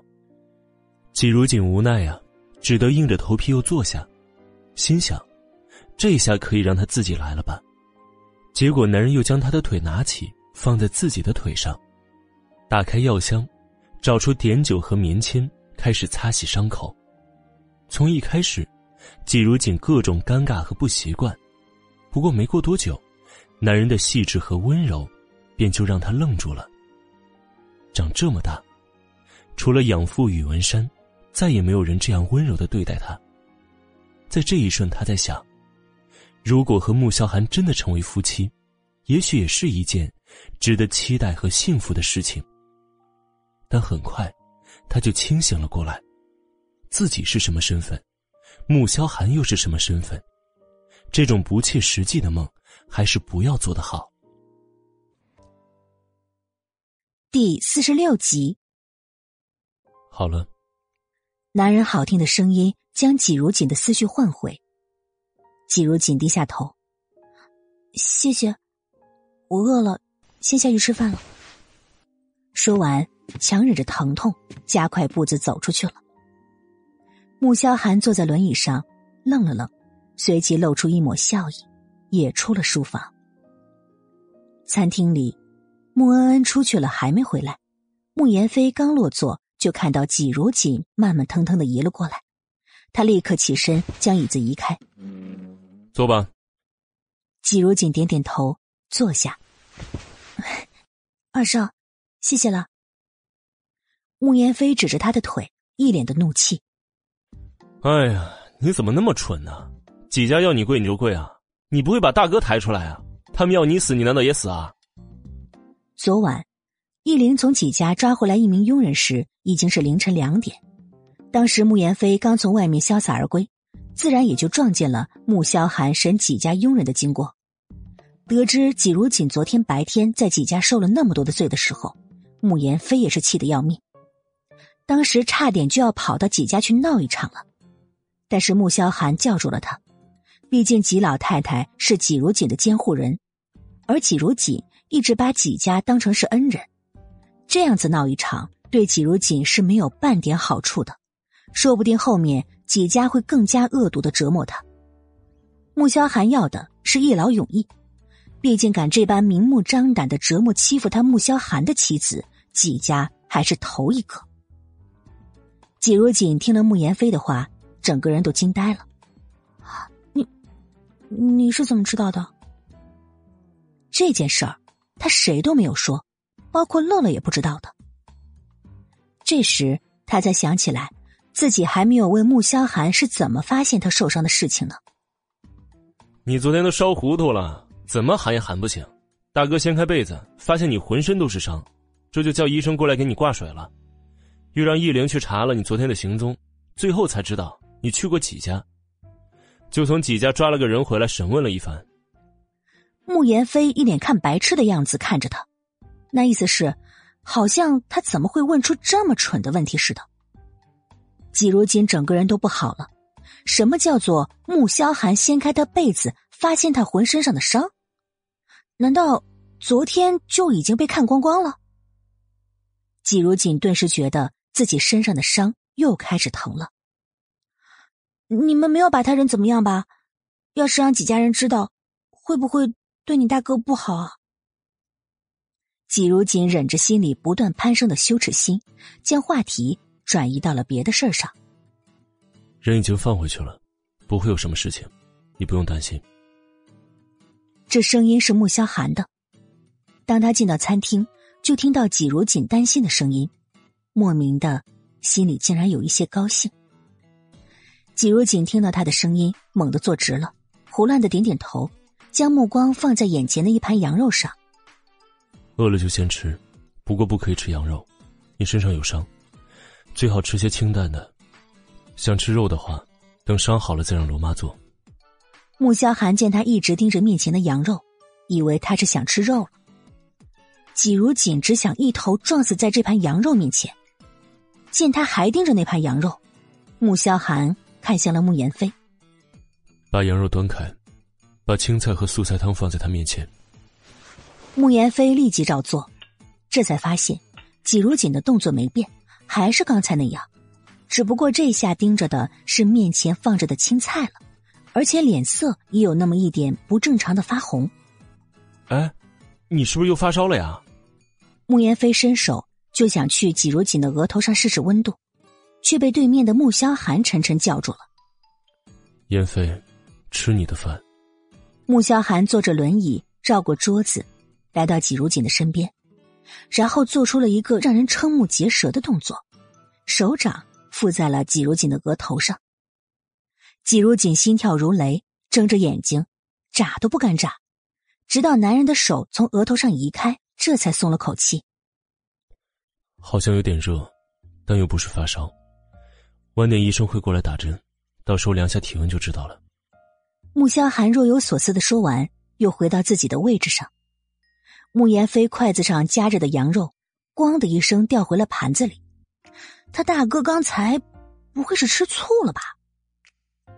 季如锦的脸色又红了红，夹了点青菜放在碗里，低下头默默的吃。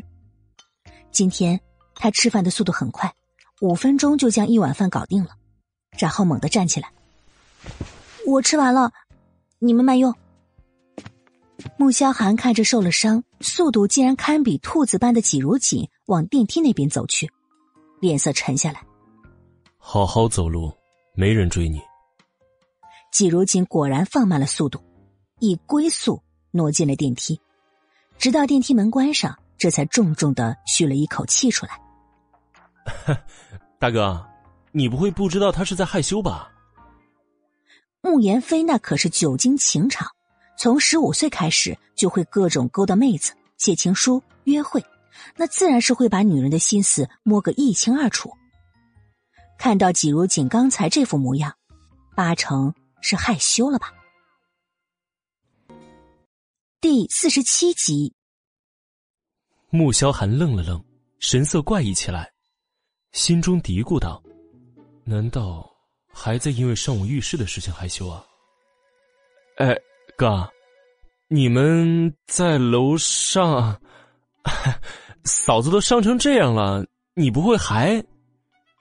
慕言飞一副看禽兽一般的神情看着自家大哥，结果换来了一道诡异莫测的笑容。哼，你最近很闲吗？慕言飞可是记得呀。上一次大哥说这话的时候，第二天，他就被派去了中东吃了两个月的土。呃，不行不行，忙得很呐。明天我还得去工地上看看。最近那些工人实在是太消极懒惰了，我得好好的过去，过去监督。哎，对，监督。说完，穆言飞立马扒起饭来。开玩笑啊，他才不想被派去中东或者什么南非的地方受苦呢。吃完饭。穆萧寒如往常一般，在花园里面转了一圈，这才上楼。到了楼上，就看到书房里面的灯亮着。他坐着轮椅到达书房门口，却并没有立马进去，而是看着正在沙发上抱着一本书看的季如锦。只是好久也不见他翻页，似乎正在出神一般。他敲了敲门，季如锦猛地回过神来，手中的书掉在地上，这一着急。弯腰去捡，却又把头撞在了面前的茶几上，疼得发出嘶的声音。一边揉着脑袋，一边抬起头来，有些埋怨的看向门口。我敲过门了，这回不能怪我了吧？穆萧寒这次是故意这么说的，为的，就是想试探一下他是否还在因为上午的事情而感到害羞。果然，季如锦的脸腾的一下红了，装出一副要继续看书的模样。我我继续看书。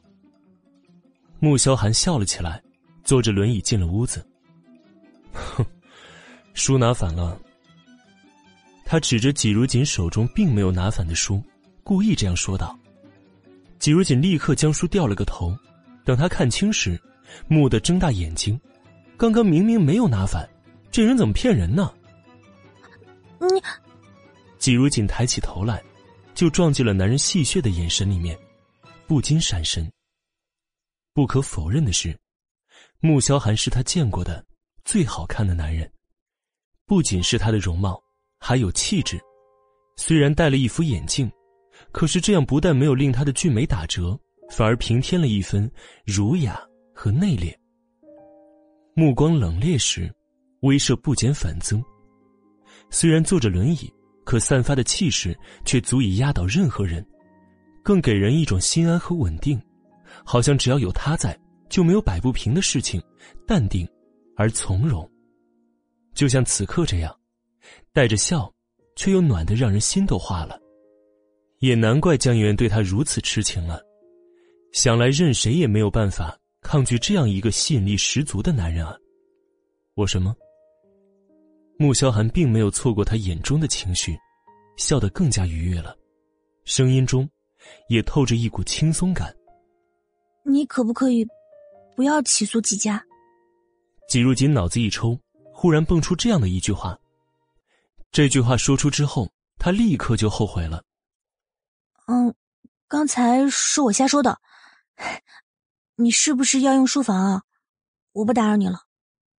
他有些慌，害怕从穆萧寒的嘴中听到什么刺心的话语，立刻站了起来，就要往外面走去。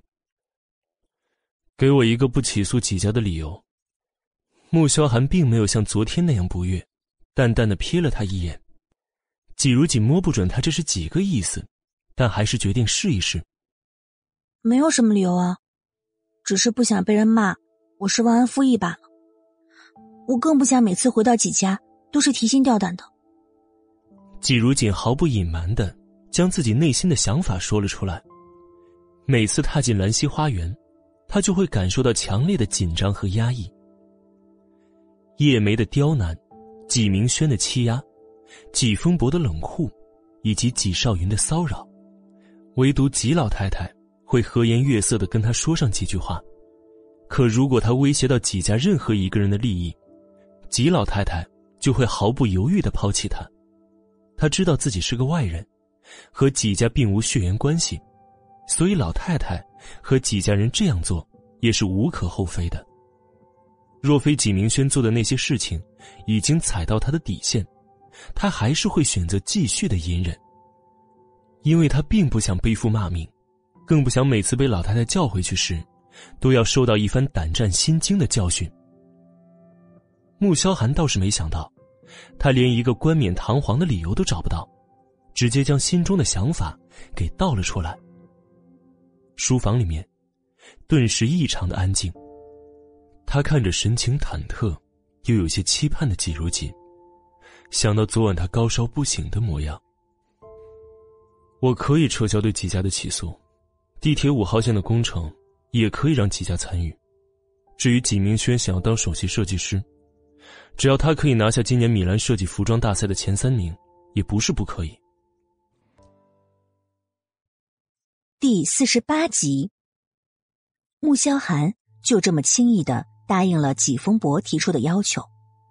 纪如锦以为自己听错了，待他看向男人的眼睛时，猛地一震：“你，你只要同意不起诉纪家就行了，其他那些要求太过分了，你不用答应的。”纪如锦整个人都慌了，穆萧寒并不欠他什么。为什么要答应纪风伯那些无耻的要求呢？哼，如果连这种小事都做不到，纪家会怀疑我们婚姻的真实性。我更不想让人以为我苛待了自己的妻子。穆萧寒指了指沙发，示意他坐下来，神情是一派淡然悠闲。季如锦听话的坐回沙发，脑子里还是有些发懵。穆萧寒说这是小事情，这要是小事情。那什么才是大事呢？晚上睡前，穆萧寒又给他的脚上了一次药。关上灯之后，季如锦倒是没有头一天晚上那么怕了，就是心里害羞了好久，迷迷糊糊的也睡过去了。接下来的几天，季如锦都会窝在书房里面画稿或者是看书，腿上的伤也是一天三次的换药。到了第三天，他已经能正常走路了。他是闲不住的，趁着穆萧寒去公司了，把画好的设计稿放进书包里就出门了。下楼的时候，他又遇到了穆恩恩，还有江媛媛。看到两个人有说有笑的进来，季如锦下意识的想躲起来，可周围没地儿躲，也就只好硬着头皮往外走。季小姐，我们谈谈吧。这次找上他的不是穆恩恩。而是江媛媛。这位市长千金走到纪如锦的面前，神情倨傲的看着他，一副高高在上的姿态，不是征询，而是命令。对不起啊，我要去打工，没时间。他打算去以前兼职的快餐店里看看他们还要不要人，想挣钱把前几天从卡里用掉的钱给还回去。打工，哼。难道韩哥哥没有给你零花钱吗？听到季如锦说要去挣钱，江媛媛脸上就笑得更加热烈了，眼神也充满了嘲讽。看来还真如干妈说的那样，韩哥哥和这个季如锦是真的有问题。给了呀，每个月八百万，这是他给我的卡，但谁会嫌钱多呢？季如锦很不喜欢江媛媛这种语气和笑容。脑子一热，就将穆萧寒给他的那张卡给拿出来了。嗨，我哥竟然给你这张卡！霍尔顿黑卡，拿着这张卡，别说八百万了，就是一亿都能毫无顾忌的刷刷刷。全世界只发行了十张，可这不仅是钱的问题，更加是面子的问题。他家大哥手上就只有两张，想到自己曾经为了得到这张卡，那可是求了他说了三天三夜的好话，最终还是白忙一场。没想到，大哥竟然就这样给了这个女人，还往里面每个月打八百万的零花钱。他都只有三百万一个月。凭什么这个女人要比自己多这么多？大哥也太偏心了吧！别说是穆恩恩了，江媛媛看到这张卡，一张脸都黑到不能再黑了。她堂堂市长千金，自然是知道这卡的来历的。当时，当霍尔顿推出这张卡的时候，他就厚着脸皮求韩哥哥能不能帮他拿一张这样的卡。不说别的，这走出去拿出这张卡的时候，别人都得羡慕死一大堆的。可韩哥哥却说，他爸爸是市长，他若是用这样的卡，会给爸爸招惹不必要的麻烦，最终也只能打消这种想法了。可哪知，现在季如锦手上就握着这么一张卡呢，他真是快要被气死了。我看这根本就不是韩哥哥给你的，这是你偷的，对不对？江圆圆一把从季如锦手上抢出了黑卡。然后朝穆恩恩示意了一下，穆恩恩立即反应过来，冲着季如锦凶狠的说：“嘿，你这个女人，竟然敢偷我大哥的卡！来人，把这个小偷给我抓起来，报警！”季如锦完全懵了，那张卡明明是穆萧寒给他的，怎么到了穆恩恩和江媛媛嘴里就成他偷了的呢？哎，把卡还给我！他伸手要把卡抢回来。却被江媛媛啪的一下打了回去。穆恩恩也加入了欺负季如锦的行列，一把将他推倒在地上，还大声的喊道：“来人啊，你们把这个不要脸的小偷抓起来，送到警局去！”季如锦是真怕被送到警察局，那种地方，他一个无权无势的人，还能出得来吗？啊，不是的，我没有偷，就是你哥给我的。你要是想要，我给你就是了。你不要把我送到警局去。季如锦站了起来，害怕的退了几步，也不敢再去抢回那张卡了。只要不让他去警局就行了。可是他越是害怕，越是退让，穆恩恩和江媛媛就越是以欺负他为乐。本集播讲完毕，跟第四十九集。江媛媛拿起手机就拨打了报警电话，顺道，在电话时特意说明了自己的身份，意思就是让那边的警察快点过来。季如锦听着都快吓哭了，于是转身就往楼上跑去，因为他发现，就算是穆恩恩也不敢私自跑到二楼的房间。不过他脚上的伤刚好，哪有穆恩恩的行动快啊？身后的头发被人一把拽住，疼得立马叫了出来。警察来得很快，十分钟的时间就赶到了，不由分说，将季如锦带上警车。到了警察局，穆恩看着警察公事公办的样子，这才心虚的说道：“圆圆姐，你不会真的要让他坐牢吧？这要是让我哥知道了，那可怎么办呢？”江圆圆笑了笑说道：“哼，放心吧，到时候啊，我们就一口咬定。”不知道这张卡是季如锦的，以为是他偷的。穆恩恩还是有些不放心。讨厌归讨厌，但让季如锦进牢房这种事情，他还是不敢做的。圆圆姐，咱们吓吓他就算了吧，别把事情闹大了。恩恩，原本我才是韩哥哥的妻子，你知道我有多伤心吗？你放心吧，我不会让他坐牢的，顶多就是被关上个几天。我呢，只是想要出一口恶气。江媛媛心中恨不得让季如锦从这世界上消失才好，可她不能这样做。但是让季如锦吃点苦头，她还是可以做到的。警察根本不给季如锦辩解的机会，就将她关进了看守所里面。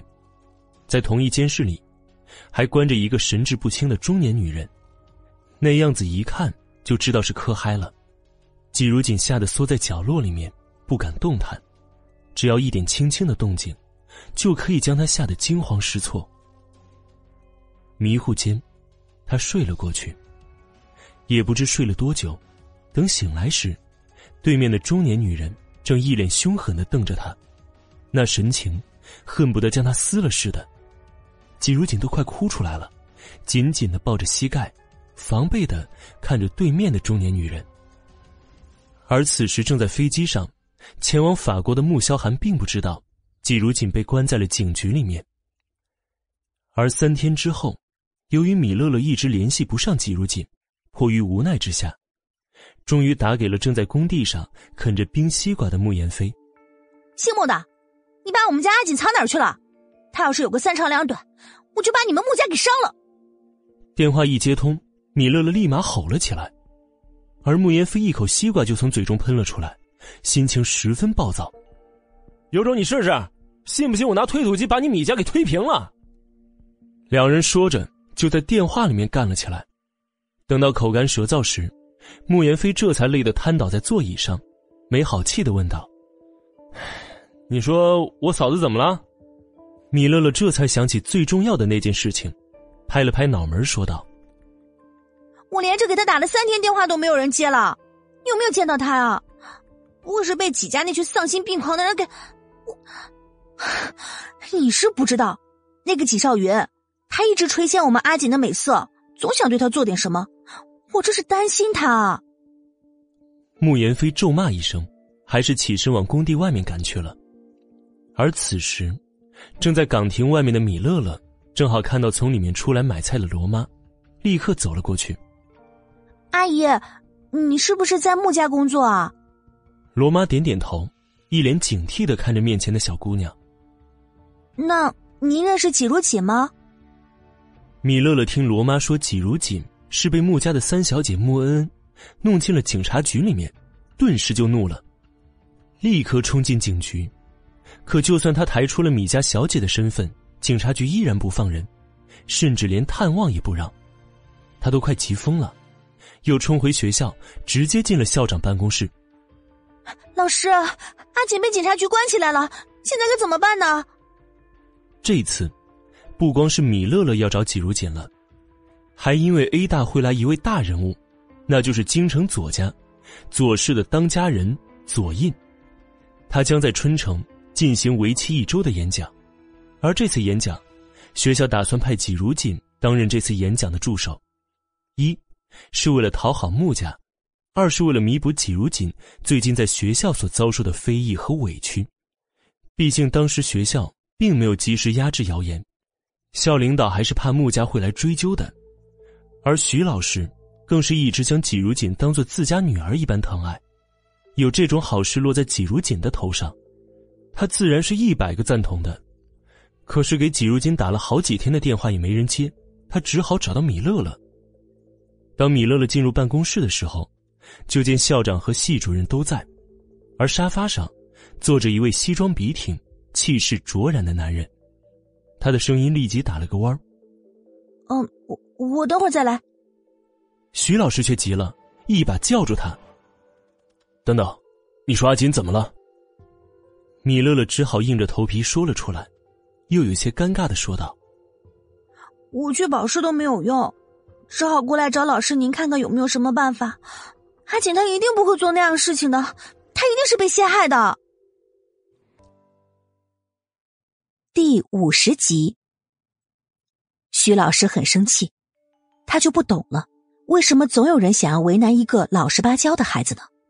难道因为老实好欺负，所以就可劲儿的欺负他吗？我跟你去，警局要是不放人，就找电视台曝光。徐老师是老学究，脾气硬，一身傲骨。老师，还是我和您走一趟吧，相信我可以解决这件事情。坐在沙发上一直没出声的左印突然站起来。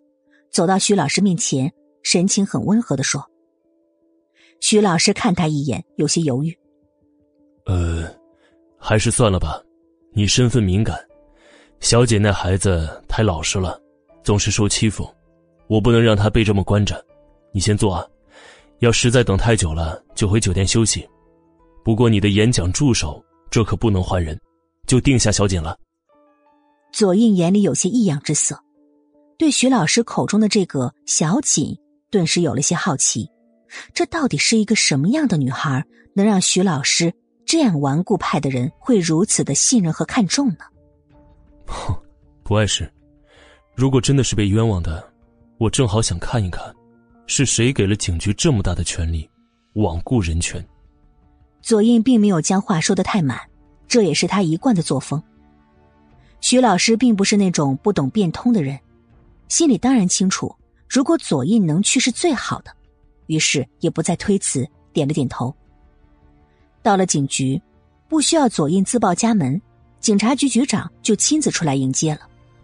没多久，季如锦被带出来，米乐乐看着他整个人瘦了一圈，精神也不怎么好，立刻难过的走过去抱住他。阿锦，你怎么这么傻呀？你就不知道打个电话给我们的吗？米乐乐心疼的不行。此刻，他还并不知道季如锦在季家受的那些罪，不然一定得难过的哭死。季如锦被关了三天，晚上又冻又怕，吃的东西也是难以下咽的。随着时间一天天过去，他以为自己这辈子都要被关在这儿出不去了呢，心也跟着一点一点的绝望下来。还好，他终于可以走出来了，走出警察局。季如锦被外面的阳光刺得眼睛发疼，伸手挡了挡。这时，徐老师和左印在一干警察局领导人物的簇拥之下走过来。阿锦，就是左先生把你保释出来的。米乐乐拉着季如锦走到左印的面前。啊，左先生，今天谢谢您了。左印看了看蓬头垢面的季如锦，心中有些不以为然。他还以为徐老口中的这个人有什么奇特之处，原来也就是一般而已。没事的，徐老担保，我自然是相信老师的人品。那意思并非相信他，而是因为老师的面子。季如锦听了，立即又向徐老鞠躬：“老师，谢谢您。”徐老见他这副样子，心中也很难过，但是当着这么多人的面他也不好说什么，只能叹了口气。你这孩子也太老实了，先回去休息一下，明天再来学校找我。季如锦点点头，和米乐乐走出警局。刚到门口，穆言飞也赶了过来。听说季如锦三天没有消息，穆言飞飙着车回到家，问了之后才知道发生了什么，当即就把穆恩恩狠狠教训了一顿，想打电话通知远在法国的大哥。却被穆恩恩抢走了电话，一通求情之后，他最终还是软下心来。但是他并没有磨蹭，赶紧跑到警局来保人了。结果到了门口，就看到米乐乐和纪如锦走了出来。看到穆言飞下车，米乐乐登时暴跳如雷，冲上去就吼：“姓穆的，你妹的心肠也是黑的吧？小小年纪怎么这么恶毒啊？这几天他吃得下睡得着吗？”就不怕遭雷劈吗？穆言飞很宠爱穆恩恩这个妹妹，虽然知道她这次确实有点过分了，但听到别人这么咒自己的宝贝妹妹，顿时青筋突起，挽着袖子就要揍人。哎，你这个女人嘴巴也太恶毒了吧！我妹招你惹你了？你怎么咒她遭雷劈呢？看爷今天不教训你！结果话还没说完，就被米乐乐的拖鞋给砸中了。你还敢打女人？我今天跟你拼了！我来啊，你来啊！米乐乐也准备打人了，踢掉脚上的另外一只拖鞋，就要动手冲上去。他可是从小就学过跆拳道的，奖拿了不知道多少。打架他从来没输过。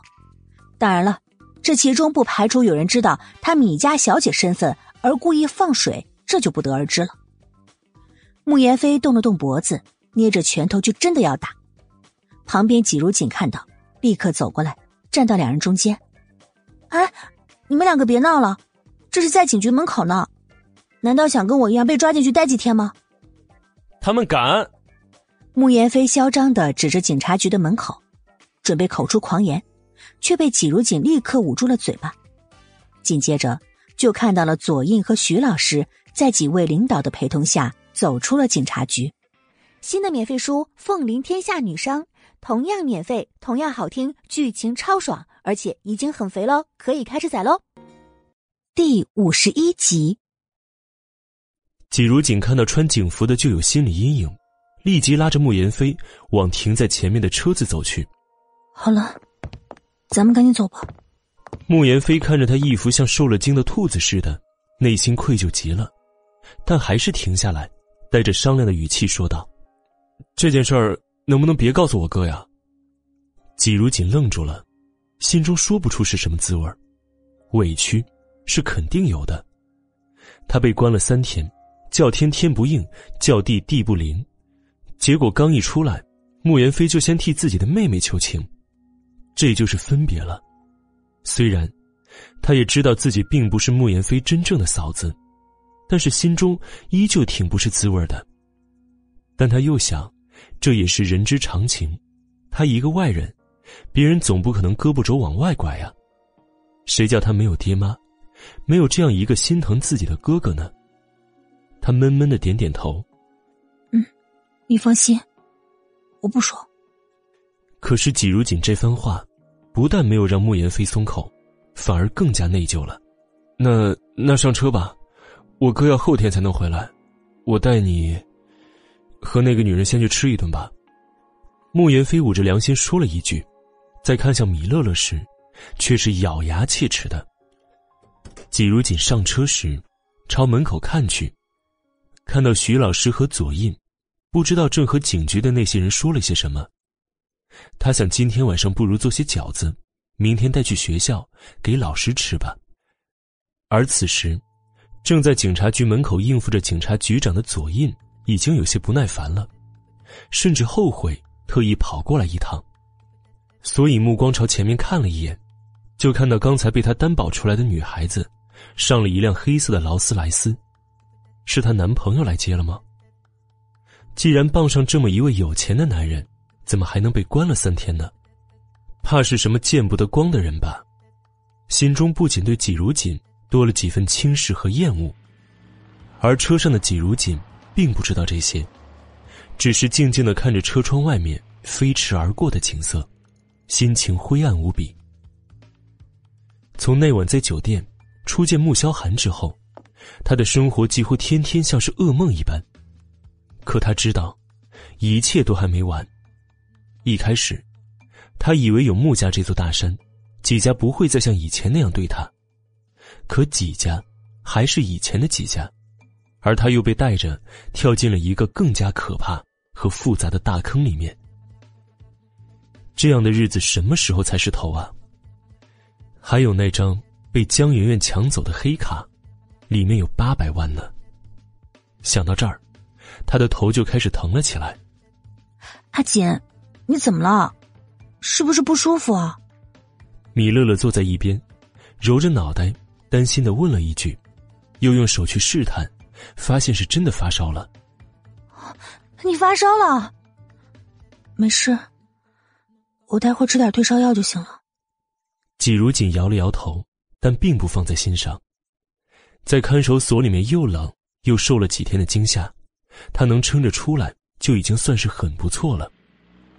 穆言飞脸色一沉，抓紧方向盘，没过多久，就在一家药店门前停下。回到穆家，穆恩正坐在沙发上面看着杂志，见到穆言飞带着季如锦回来，装出一副没看到的样子，继续看得津津有味的，同时，心中还在盘算着，待会儿要找二哥要点钱出去 shopping。倒是穆言飞看到他这副样子，终于生气了。拉着季如锦走了过去，沉声说道：“穆恩，你没看到大嫂回来了？回来就回来呗，难道还要我欢天喜地的迎接啊？”穆恩恩继续翻着手上的杂志，不以为然的说道：“你不觉得自己该说点什么吗？”穆言飞的脸色一点一点黑了下来，穆恩头也不抬，一副慵懒的腔调说着：“说什么？我和他没什么好说的。”向大嫂道歉。穆言飞想揍人了，声音有些发冷。道歉？喂，你让我道歉吗？穆恩恩终于抬起头，挑衅的看着季如锦，发出了一声不屑的嗤笑。季如锦头疼不已，而且，他哪敢要这位小祖宗道歉呢？连忙摆着手说道：“啊，不，不用了，不用了，我累了，我先去休息了。”说着，迅速的挣开了慕言飞的手，往电梯里面走去。他都被关了三天了，道歉又有什么用呢？慕言飞狠狠的瞪了穆恩恩一眼，十足的警告意味。但是穆恩根本不吃他这一套。反而得意洋洋的冲他做了个鬼脸，大嫂，你是不是生气了呀？穆言飞没再理会穆恩恩，加快脚步追上了季如锦。季如锦摇摇头，走进电梯。没有。他怎么可能不生气呢？可是生气又如何？谁会在意他的感受啊？没有人会。他知道穆言飞只是怕他一气之下向穆萧寒告状。可他不认为自己即使是告状，便可以得到公正的对待。与其自取其辱，不如学着接受现实。以后，他离穆恩和江媛媛有多远躲多远。本集播讲完毕，更多精彩内容，喜马拉雅。第五十二集。你真的没生气吗？穆言飞却不太相信。看着他面无表情的垂着头，就莫名的心虚。你放心，我答应过你不会告诉你大哥，就不会告诉。说完，人已经跨出电梯，走进了房间。下午，季如锦吃了药，睡了一觉，醒来的时候太阳都要下山了。他摸了摸额头，已经不烫了，可是头还是有一点疼。想到明天打算做点饺子给老师带过去，于是下楼进了厨房。罗妈听说他要做饺子，便将面粉、鲜肉、大葱都给拿出来，准备开始包饺子。正是做晚餐的时候，季如锦见罗妈还没有做饭呢，便拒绝了。罗妈，你先忙自己的吧，这里有我自己可以做的。说着，开始熟练的和面、剁肉、切葱。等他包了整整一抽屉饺子，外面已经是月如钩了。他将饺子放到冰箱里冻起来，明天早上直接放在保温箱里，带到学校去用小电锅煮就是了。晚上，季如锦一个人躺在床上，拿起已经充好电的手机，想着要不要打电话给那个远在法国的穆萧寒。但他想想，自己不过是一个外人，打过去干什么呢？似乎也没有什么话可说的吧，反而还会让人以为他心怀企图。而此时，同样拿着手机的穆萧寒脸色却有些阴沉。他来法国已经第四天了，那个蠢女人竟然一个电话、一条短信都没打过来。身后的易灵有一些怪异的看着这一幕，他家大 boss 已经瞪着手机快一个小时了。姐夫，你这是怎么了？手机得罪你了？而另一边，苏俊阳也有些奇怪，他终于还是忍不住问出来。穆萧寒心里一窜，随手就将手机扔在了桌上，咣当一声，颇有些赌气的意味。没什么，刚才说到哪儿了？继续。早上，季如锦量了量体温，发现自己还是有些低烧，吃了两颗药，背着包下楼了。他刚进餐厅，就看到餐桌上摆着几碗热气腾腾的饺子。顿时有种不好的预感，他转身走进厨房，打开冰箱，一看，里面的饺子果然都没了。他有些生气，正好罗妈端着盘子走进来。罗妈，我里面的饺子怎么没了？罗妈愣住了，指了指外面吃的正欢的穆恩恩。啊，三小姐看到冰箱里面有饺子，让我煮了当早餐。少夫人，怎么了？季如锦就笑起来，是气的发笑，转身走出去，到了餐桌旁，伸手就将穆恩恩面前的饺子端起来。哎，你这个女人，你疯了吧你啊！你抢我早餐干什么？给我放下！穆恩恩顿时跳脚，凶狠的指着季如锦。季如锦停下，看了一眼穆恩恩，这是我包的，我想干什么我就干什么。穆恩恩没想到他会这么强硬，气得要死，一脚踢开身后的椅子，就冲着季如锦走了过去，要将他手上的饺子抢回来。季如锦虽然好欺负，可是，在几家的时候，也会和佣人一起做饭、打扫卫生、整理园子，所以力气却还是有一点的。否则，那次在酒店里也不会把穆萧寒三下两下的就给砸晕了。穆恩恩根本抢不过他，反而是因为用力过猛，自己摔了一跤，顿时就开始撒起泼来，坐在地上嚎啕大哭：“季如锦，你竟然敢打我！你这个贱人！我要告诉我哥，我要让他跟你离婚！你居然打我，你欺负我！”慕言飞正好下楼，看到这样的情景，立刻走了过来：“怎么回事啊？”季如锦没吭声，倒是穆恩恩逮着机会开始栽赃了。二哥，他推我，他还抢我的早餐，我不过是让罗妈煮了他包的饺子嘛，他就对我动手。慕言飞脸色沉下来，看着季如锦质问道：“不过是吃了几个饺子，不是什么值钱的东西吧？你要是还记着他把你送到警局的仇。”直说就是了嘛，用不着对一个小姑娘动手。季如锦瞪大眼睛，刚要争辩，话到嘴边又咽下去了，因为他明白，他自己说什么都没用的。穆言飞已经主观的相信了穆恩恩的话，他再说什么也是徒劳的。穆言飞，如果我把你送到看守所待上三天，你出来第一件事情，应该是先杀了我泄愤吧？所以。你觉得我不该记仇吗？穆言飞明知道这件事情是自家小妹理亏，但还是忍不住护短，威胁道：“你这是要出尔反尔了？你以为我哥会信你吗？就算是信你，顶多也就是骂恩恩两句。别以为我帮过你，就以为我什么都会向着你，那不过是看在我哥的份上，对你施舍了一点同。”第五十三集，季如锦的心中酸的想哭。他知道自己的身份，所以从不敢奢望什么。但是别人对他的好，他会一直记着。就像那天在学校，穆言飞的维护，他心中就一直十分感激。可是现在他说，不过是对他的同情和施舍，哼，那可真是他自作多情了呀。二少的话我记住了，要是没别的事，我要去学校了。又将饺子放回餐桌上，再也不看慕言飞和穆恩一眼，快步走了出去。穆恩这才得意的哼了一声：“哼，敢跟我斗，二哥，你刚才那些话说的太好了。这个女人她就是得寸进尺，就得给她一点颜色瞧瞧，不然还真当自己是穆家的大少夫人了。不要脸，呸！二哥，还是你对我最好。”穆言飞看着眼中根本就没有泪水，方才还要死要活，转眼之间就得意洋洋的穆恩恩，他这才明白自己刚才干了什么，随手拍开了穆恩挽过来的手。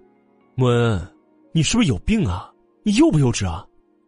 要不是自己的亲妹妹，他真恨不得一巴掌拍死他。我哪里幼稚了？你不是都信了吗？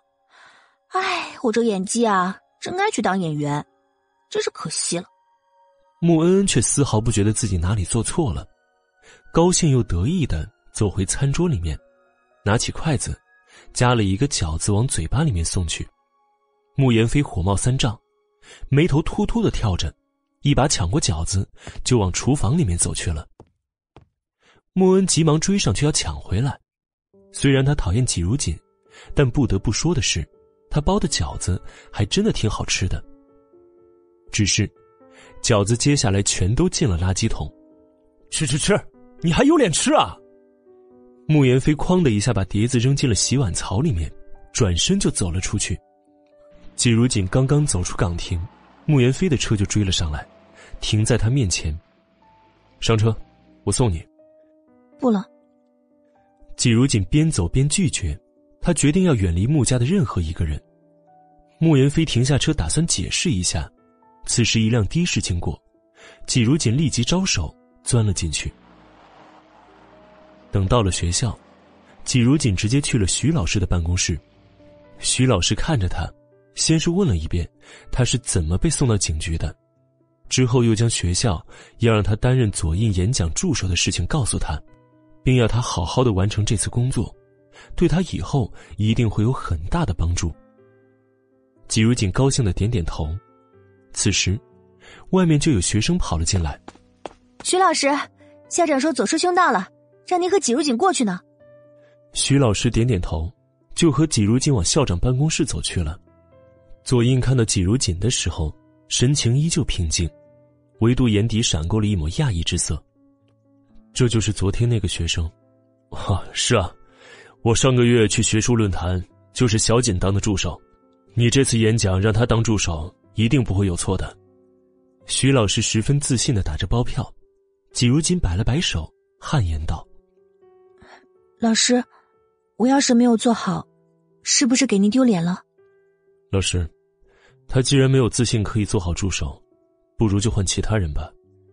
左印从昨天看到季如锦上了慕言飞的那辆豪车之后，对他的看法就不太好了。再看他身上穿的这身衣服，哭泣的春季新款，没有几十万根本买不到。这可不像是徐老口中那个品学兼优、节俭努力的形象啊。季如锦愣住了。他只是谦虚一下，没想到会被当做拒绝的理由。左先生，如果您对我的能力有所怀疑，不如这样吧，我今天写一份关于您在春城为期一周的演讲策划书，如果您还是满意的话，就让我当您此次演讲的助理，可以吗？许是从小在逆境之中成长，季如锦的内心十分敏感。他几乎马上感觉到了眼前这位左先生对他的排斥。若非老师极力推荐，他也不是非要当这次演讲的助理。可是为了不给老师丢脸，他还是打算争取一下。他这话说的合情合理，又碍于校方和徐老的推荐，左印没有再拒绝。如果我不满意的话，这次演讲就还是由我的特助来准备。说完之后。左印便以还有要事为由离开了。徐老师又将左印这次的演讲的一些信息告诉季如锦，并要他回去好好的做一份策划书。季如锦点点头，背着书包回到寝室，开始查资料做策划。一天的时间，不知不觉的就过去了。穆家，穆萧寒从吃完晚饭之后，就一直坐在花园里面。脸色很不好看。易灵看了看天上渐渐升起的月亮，心想：这还是弯月呀。boss 的心情怎么一天比一天差呢？在花园里面待到九点半，穆萧寒上了二楼，洗完澡，又看了半小时的书，再看时间，此时已经是十点半了。可是季如锦还……第五十四集，早上。季如锦打着哈欠，将策划书打印出来，用文件袋封好，出了宿舍。他得在早上八点半前将这份策划书送到霍尔坎顿酒店的八八幺八室。到了霍尔坎顿酒店，他抬头看着那金光灿灿的几个大字，闪了闪神。一个多月前，他就是在这间酒店和莫萧寒有了交集。那时候，他怎么也没想到。自己会和这个男人结婚。那时候他想的就是这辈子都不想再遇到他了，再也不想记起那可怕的如噩梦般的一夜。可现实呢，总会给人一记狠狠的耳光。他叹了口气，走进酒店，到了八八幺八号房，他看了一下时间，才八点，于是敲了敲门。没多久。就有一名穿着黑色套装、戴着黑色红框眼镜、五官精致美丽却透着干练的女子打开门，看到季如锦时，眼神有着浓浓的防备。你好，我是 A 大的季如锦，徐老师介绍我当左先生的这次演讲助理，这是我昨天做出来的策划书，想请左先生看一看，满不满意？季如锦很礼貌的说出来意，并将策划书交给了对方。林默接过策划书，在外面等着吧。说完就把门关上了。季如锦是昨天查过之后才知道左印的身份，左逼总统的长子，左市长权人，六年前 A 大毕业，而徐老师正是左印以前的导师。他在外面站了十来分钟，也不见刚才那位特助出来，又累又困的，便坐在地上靠在墙壁上打盹。结果这一睡，便睡过去了。左印从套房出来，就看到在门口沉沉睡过去的季如锦，眼底闪过一道冷意。这个女人为了接近他，还真是狠得下心对自己啊！李默正准备叫醒他，却被左印抬手打住了。直到二人进了电梯，叮的关门声，季如锦才猛然惊醒，但见还是没有开门，只好硬着头皮继续等下去了。直到下午两点。接到米乐乐的电话，才知道左印早就已经走了，现在正在 A 大视察演讲的场地呢。季如锦挂掉电话，心里不生气是不可能的。左印一定是在他早上睡着的那会儿悄悄离开的，难怪当时他听到电梯关门的声音，可是他竟然没有叫醒自己，这实在也太过分了吧！讨厌他就直说嘛，这么耍着人玩，有意思吗？季如锦也不再等待了，背着包，沮丧的走进了电梯，却没想到，刚刚一到大厅，就看到了穆萧寒。他正打着哈欠，就看到穆萧寒坐在轮椅上，径直朝自己这边过来，嘴巴张到了一半，都忘记合上了。直到男人到了他的面前，才一脸惊讶：“你什么时候回来的？”穆萧寒有如三九寒冰般的脸色。目光淬着寒光，看向季如锦。怎么，看到我回来很失望啊？昨天季如锦一夜未归，直到中午仍不见他人影，他这才让易林马上去查看他的行踪。半小时前，易林告诉他，季如锦此刻正在霍尔坎顿酒店呢。他立刻要司机载着他跑过来。到了大厅，果然就见他打着哈欠从电梯里出来。身上的裙子还皱巴巴的，他下意识的就认为季如锦昨晚一定是和某个男人在酒店里鬼混了一夜，否则神色怎么会这么困倦憔悴？而且看起来战况貌似还挺激烈的，裙子都压成这副鬼样子了。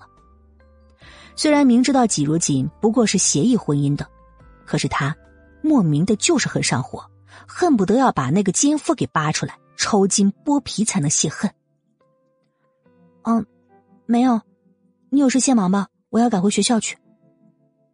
季如锦看着穆萧寒这可怕的脸色，心里感到很害怕，扔下一句话，撒腿就跑。穆萧寒停在原地，看着跑得比兔子还快的季如锦，脸色更加的阴寒。去查，他昨天晚上到底跟哪个男人鬼混去了？易灵愣住了，心里隐隐有一个猜测。boss 这几天心情一直不好，该不会是因为纪小姐吧？季如锦回到学校也没有去体育馆，直接回到寝室补眠了。而今天晚上，他也不准备回穆家了。显然，现在整个穆家的人都很讨厌排斥他。穆萧寒也不知是吃错药了还是怎么了，一副要吃了他的模样，让他想到了那晚酒店里看到的画面。所以。他还是待在寝室里避避风头算了。至于左印嘛，那就让他见鬼去吧。一个下午，穆萧寒都在想着要如何处理掉昨晚和季如锦鬼混的奸夫。开高层会议的时候，全程含着一张脸，就连平时总会和他作对的副总裁穆坚家也察觉到了危险的气息。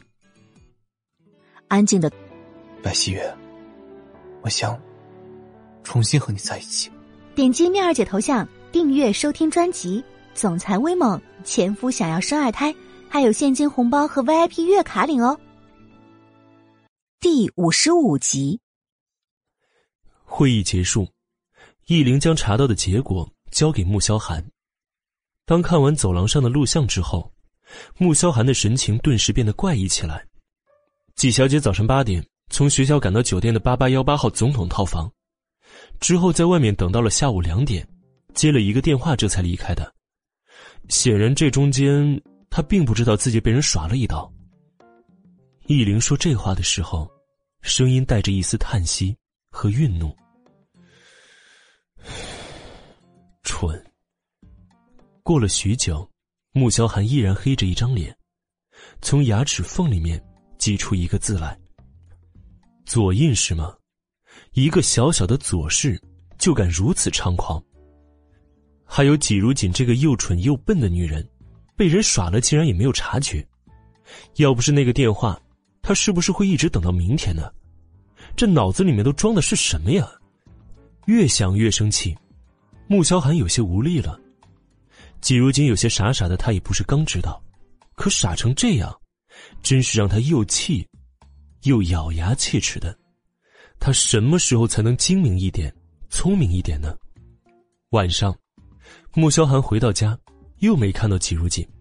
这次，他不再等了，直接一个电话拨了过去。季如锦正在床上睡得天昏地暗，听到手机响了，摸起来。一看还是一个不认识的号码，便直接挂断，关机，又睡了过去。穆萧寒今天下午好不容易转晴的脸色，顿时又阴云密布起来。就连一向胆肥的穆恩恩，看到自家大哥这张脸，也抖了一把。萧寒，你这老婆的气性还真大呀，竟然连你电话都敢挂。这样的女人刚进门就得意成这副模样，依我看啊。还不如趁早就离了呢，咱们穆家可供不起这样的大牌菩萨。穆坚家今天也回了穆家吃饭，而穆老太太平时都在后面的副楼里面。副楼有副楼的帮佣和厨师，若无紧要的事情，老太太是甚少出来的。今天也是看着穆坚家回来了，这才来到主楼这边和穆萧寒三兄妹一起吃饭。听女儿这么说。老太太啪的一下放下筷子，实在是太不像话了！几天不回家也就算了，竟然还敢挂你电话。小寒，你要是不好好管管他，那就让我来教一教他穆家的规矩。穆恩恩听到老太太都发话了，顿时开心的差点拍起手。不过，他嘴上的笑容刚刚扬起，就被对面穆萧寒一道寒冷的目光扫过来。立马垮了下去。奶奶，阿锦这几天正忙着学业，兴许现在正有什么要紧的事情，不能接电话。至于规矩，您先让小姑学会再教阿锦吧。穆萧寒不咸不淡的一句话，就给挡了回来，顺道还将穆蒹葭拉下水。穆蒹葭脸色一沉，摆出了一副长辈的姿态，冷声笑着：“哟。”我不过是说他几句，你就护成这样了，也难怪你把他惯得这么气性大。把老婆娶回来不就是为了护着宠着的吗？难道要像小姑和小姑爷那样，才叫结婚吗？这样的婚姻，要来又有何用呢？穆萧寒喝了一口汤，淡淡的一句话，堵得穆蒹葭哑口无言，只能憋着一肚子气，差点被呕死。季如锦在睡梦中，总觉得寝室里面还有别人。起初他以为是乐乐回来了，但想到乐乐今天下午才刚去的首都，不可能会出现在寝室啊。这么一想，他便吓得一抖，猛地坐了起来，整个人就清醒了。寝室里面没有开灯，灯光柔和的光芒映照进来，季如锦看到窗口的书桌上面坐着一个人，而且还是一个男人。他吓得浑身发抖，这是女生的宿舍，男人是怎么进来的？难道宿管阿姨没有看到吗？他掀开被子，下了床，随手摸到角落里面的扫帚，紧张又害怕的瞪着窗口的男人，哆哆嗦嗦的说着：“你你是谁？我我可以告诉你，我我没有钱，我很穷的。你要是敢敢过来，我就跟你拼了。”黑暗中，穆萧寒的嘴角抽了抽，随手吧嗒一声，将桌子上面的台灯打开，转过轮椅，沉着一张俊容，看着用扫帚指着自己的季如锦，放下。季如锦吓得立即将手上的扫帚给扔了回去，一脸尴尬的说道：“你怎么来了？”我们这是女生宿舍。他们这栋宿舍楼的宿管阿姨可是有着灭绝师太之称的，别说是男人，就算是一只公蟑螂都休想进入。这让不知道多少小情侣抱怨不休啊，以至于背后偷偷的取了这样一个名号。可没想到，穆萧寒竟然进来了，而且还如此堂而皇之的。难道舍管阿姨不怕明天遭到集体讨伐吗？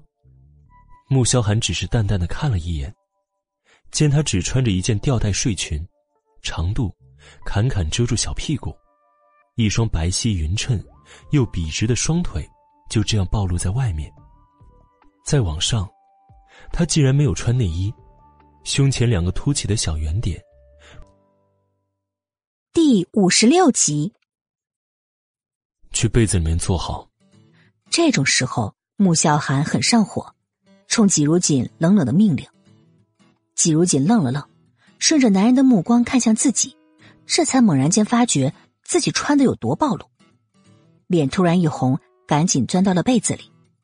可是由于动作幅度太大了，原本某人不想看到的某些部位，这下全部都看到了，顿时口干舌燥起来。他伸手拿起一旁装着水的杯子，喝了起来。季如锦愣住了，张嘴刚想说那是他喝过的，但还来不及说，某人已经将杯子里的水一饮而尽。为什么不回去睡呢？穆萧寒喝完水，这才看向季如锦，声音透着浓浓的不悦。昨天晚上，我赶策划书一晚没睡，没想到就睡过头了。季如锦早就想好借口了，而且他也是真的太困了。他不想回穆家，那个地方他觉得很压抑，他更害怕穆恩恩又突然整一些什么幺蛾子来对付他。只有在宿舍这方小天地里，他才觉得轻松自在。为什么挂电话？穆萧寒更不悦了，这还是第一次有人敢挂他的电话。季如锦一脸迷茫：“啊，你打电话给我了吗？怎么可能啊？我没接到啊。”他根本就不知道穆萧寒的电话是多少，不过刚说完，就心虚了一把。他好像记得是有人打过来电话的，他嫌吵，直接给挂了，又把手机给关了。该不会就是那个吧？手机给我。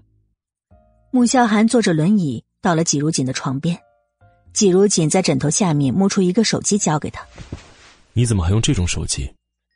穆萧寒脸就黑了。直板的老式按键手机，这种现在扔在大街上，别人都懒得弯腰去捡。季如锦心想，这种手机怎么了？便宜、实用、待机时间长，更重要的是没有小偷惦记。哎，你干嘛啊？我自己来。他就怕穆萧寒把手机给扔了，连忙伸手去抢。不过男人将手高高的举起来，季如锦够不到了。他立刻掀开被子，跪到床上去抢。为了救手机离开某人的魔爪，他也是蛮拼的了。他完全没有注意到某人瞬间怪异复杂起来的脸色。季如锦的膝盖虽然好了很多，但毕竟才一个星期呢，这么跪了没一会儿又开始疼起来。紧接着，他整个人就朝前扑过去，然后被某人抱了个满怀。他吓懵了。眨了眨眼，发现自己是安然无恙的，这才松了口气。突然觉得身上热热的，尤其是头顶有一道灼烫的目光，差点没把他给烧穿了。嗯嗯，我我，他这才反应过来，自己被穆萧寒给抱着呢，指着男人，又指了指自己，脸又红又热的，说话也不利索。某人的目光。落在怀里女人的身上，柔软的触感竟让他有一些舍不得松手，尤其是他的一只手掌，竟然放在了某人圆润的小屁屁上，还捏了两下。季如锦吓得赶紧跳起来，一把推开他，光着脚跑到了卫生间里。穆萧寒也没有想到自己竟然会做出这样的举动，他看着自己的手掌，刚才那柔软光滑又充满弹性的触感。让他好不容易浇灭的心头火又窜了上来。他看了一眼关得紧紧的卫生间，眉头拧了一下，坐着轮椅出了寝室。季如锦听到关门声，这才打开了卫生间的门，从里面探出个脑袋来。见穆萧寒走了，才松了一口气。他关上灯，重新躺回到床上，脑子里还是昏昏的，不知所措。刚才怎么就发生那样的事了呢？穆萧寒不会以为他是故意的投怀送抱吧？越想越是觉得懊恼，自己没事去抢什么手机呀？扔就扔了呗，大不了再花两百块去买一个嘛。现在倒好，唉，他还是不要见人了。此时，宿舍外面，穆萧寒看着刚才还亮着的灯暗下去了，神情有些复杂。先生，已经很晚了。易林走了过来，低声催促。车上，穆萧寒靠在椅背上闭目养神，脑子里却不断的闪过刚才季如锦在宿舍里发生的一幕。十年了，他有十年不曾对女人产生过感觉了。他甚至以为是自己的那个病造成的结果，可是今天，那种十年都没有过的感觉，突然就这么清晰深刻的回来了。难道，是因为他身上的那股香气，还是说，因为他的血呢？依灵，明天晚上准备一下。穆萧寒陡然睁开双眼，迸射出一道冰寒的目光。易灵点了点头。心却提了起来。十年了，如果这次真的能查出原因，也许先生身上的毒就能够除掉了。只是，那个幕后黑手，到底是谁呢？查了十年也没有查出来，会不会？第五十七集。第二天，季如锦又是打着哈欠进了教室。昨晚自从穆萧寒离开之后，他就再也没能睡着了。脑子里面胡思乱想了一整夜，好不容易到了凌晨，有了一些困意，结果早上八点，第一节课就是他的必选课，只好艰难的从被窝里面爬了出来。上完两节课之后，季如锦哈欠连天的走出教室，走到学校的公告栏，就看到许多同学围在那里议论纷纷的。季如锦好奇心不重，抬脚继续往前走。结果却听到人群里面传来一道惊呼声：“赵显竟然被开除学籍了！天哪，这处罚太严重了吧！”季如锦的脚步就慢了下来，耳边继续传来同学们的议论声：“是啊，虽然赵显的做法确实恶毒了一点但也不至于开除学籍这么狠吧？现在这可算是前途尽毁了，哪家公司敢要一个连学籍都开除的人呢？”可不是嘛！这要是换成别的人被黑，估计也就是全校通报批评，记个什么过嘛？可谁让他得罪了穆氏的太子妃呢？要知道，咱们 A 大体育馆、图书馆、篮球场、足球场，还有医学楼、化学楼，还有咱们学校的绿化园林，都是穆氏出资建造的。穆氏那么大一个家族，咱们那么多实习的机会也是由穆氏提供，学校怎么也要卖穆氏这个面子的嘛。季如锦也真不知道走了什么运了，神不知鬼不觉的成了穆氏的太子妃，嘿，这命真是好到没朋友啊！季如锦听了这些话，窘迫的要死。这真的是命好吗？他漾起了一丝苦笑，不再去听同学们的议论，往学校门口走去。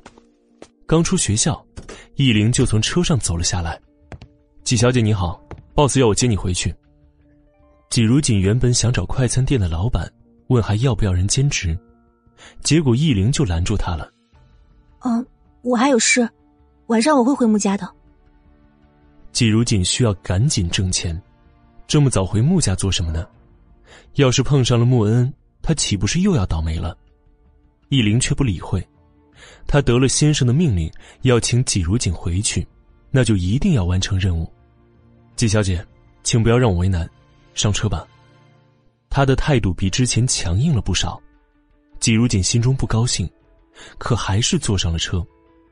刚进穆家，就见穆老太太、穆蒹葭、穆恩恩和江媛媛都在，他顿时心凉了半截。奶奶，小姑，江小姐。季如锦慢吞吞的走了过去，礼貌的打了一声招呼，而换来的不过是四人的无视。季如锦心想，不理自己也好，于是转身就要上楼，却被穆蒹葭给叫住了。季小姐啊，我听恩恩说你做的饺子很好吃，不如今天中午咱们就吃饺子吧。季如锦愣住了，这是什么意思啊？可是，他看了一下时间，现在已经是十一点钟，要包饺子根本就来不及。没什么可是的，没看到老太太等着呢吗？你别以为萧寒把你娶进来，你就真当自己是少夫人了。只要老太太一日不承认你是孙媳妇儿，你就什么都不是。所以，少在这儿给我们摆谱。穆蒹葭发出一声冰冷的嗤笑，眉眼凌厉的看向季如锦，满是嘲讽和轻蔑。季如锦动了动嘴唇，最终什么也没说，转身走进厨房。罗妈此时正在准备午饭，见到季如锦进来，立即问他有什么事。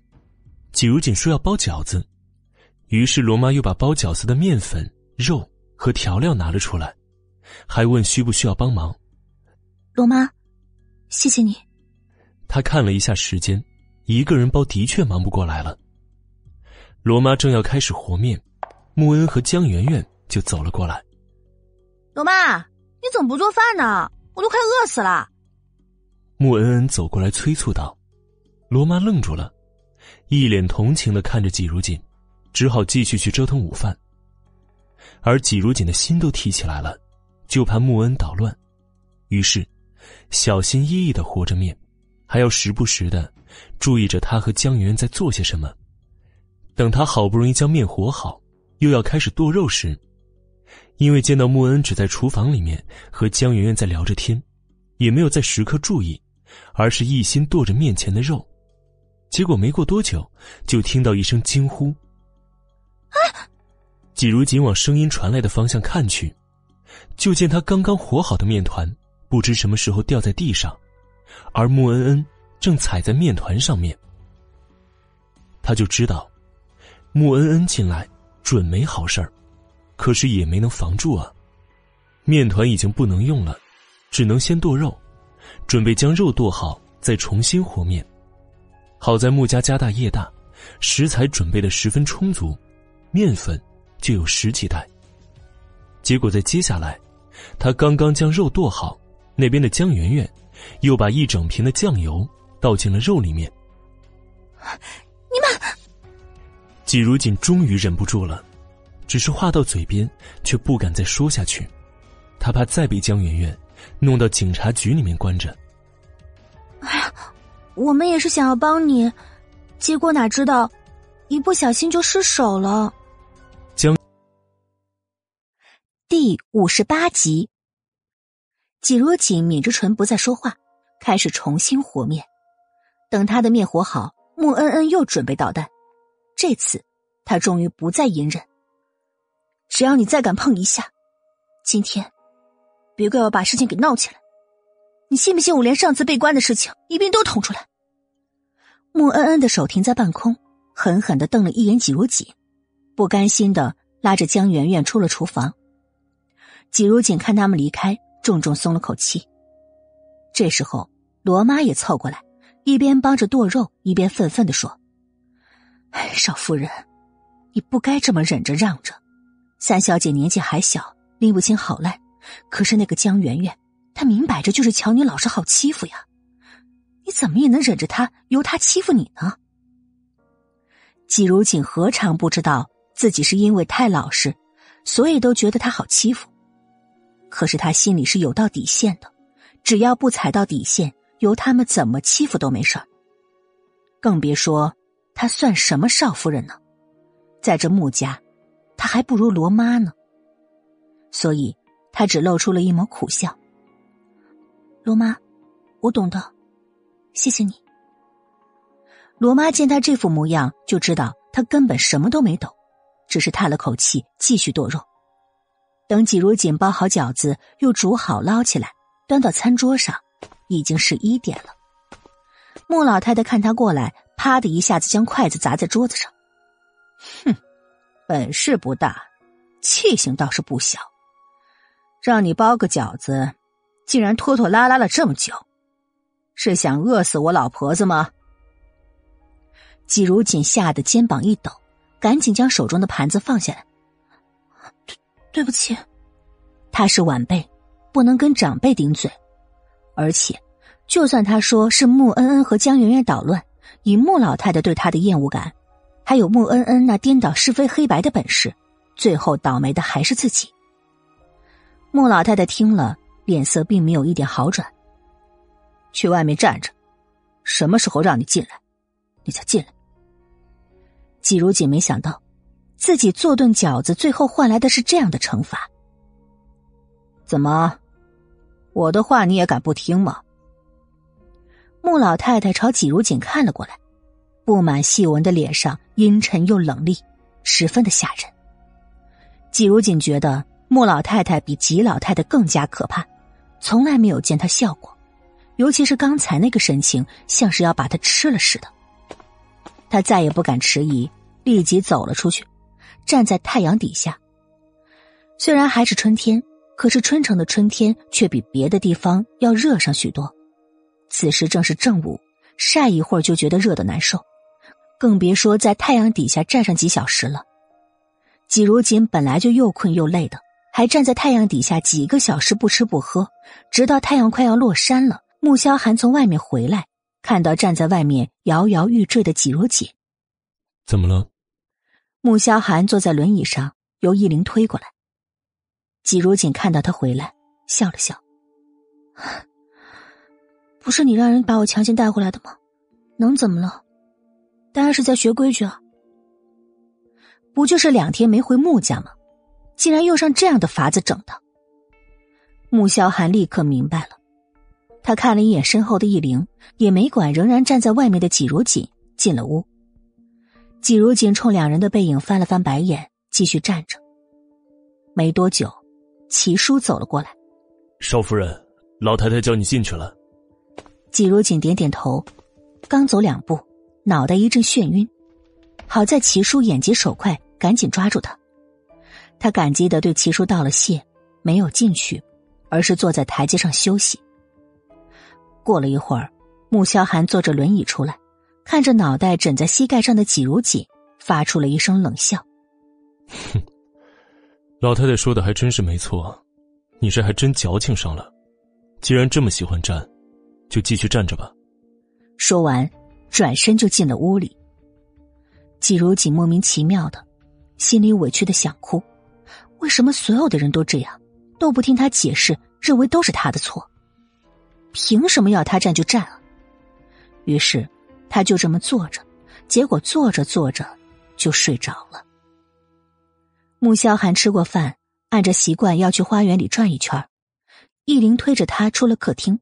就看到季如锦还坐在原地一动不动的，他拧了拧眉，眼神发冷，指着前面：“走吧。”易灵也看到了季如锦，想到刚才穆老太太说的那些话，不由对季如锦也多了几分嘲视。这个女人还真当自己是穆家的少夫人了，竟然敢给老太太脸色瞧。只不过是让她包个饺子而已嘛，竟然让老太太等了三个多小时。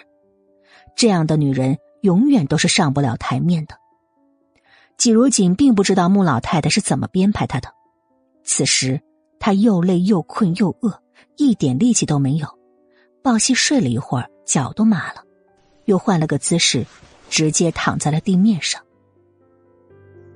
本集播讲完毕，更多精彩内容，第五十九集。穆萧寒从花园里面转了一圈回来。就看到这样的一幕，脸顿时更加阴沉难看起来。先生，要不要把纪小姐叫醒啊？易灵的眼角抽了抽，他这种时候倒是有些佩服季如锦的随遇而安了。只是他并不知道，对于一个在福利院待过的人，穆家这样的环境已经是天堂了。季如锦睡着睡着，就梦到在福利院里面，吃饭的时候都要争着抢着。不然，只要速度慢一点，就会被别的孩子一抢而光，而那一顿没有抢到吃的的孩子，就只能饿肚子了。睡觉的时候，几十个孩子挤在一间通铺上，夏天满是汗味儿、蚊子，冬天，更是几人抢着一床被子，而他年纪小，性子又老实，总是抢不到吃的，那就得饿着肚子。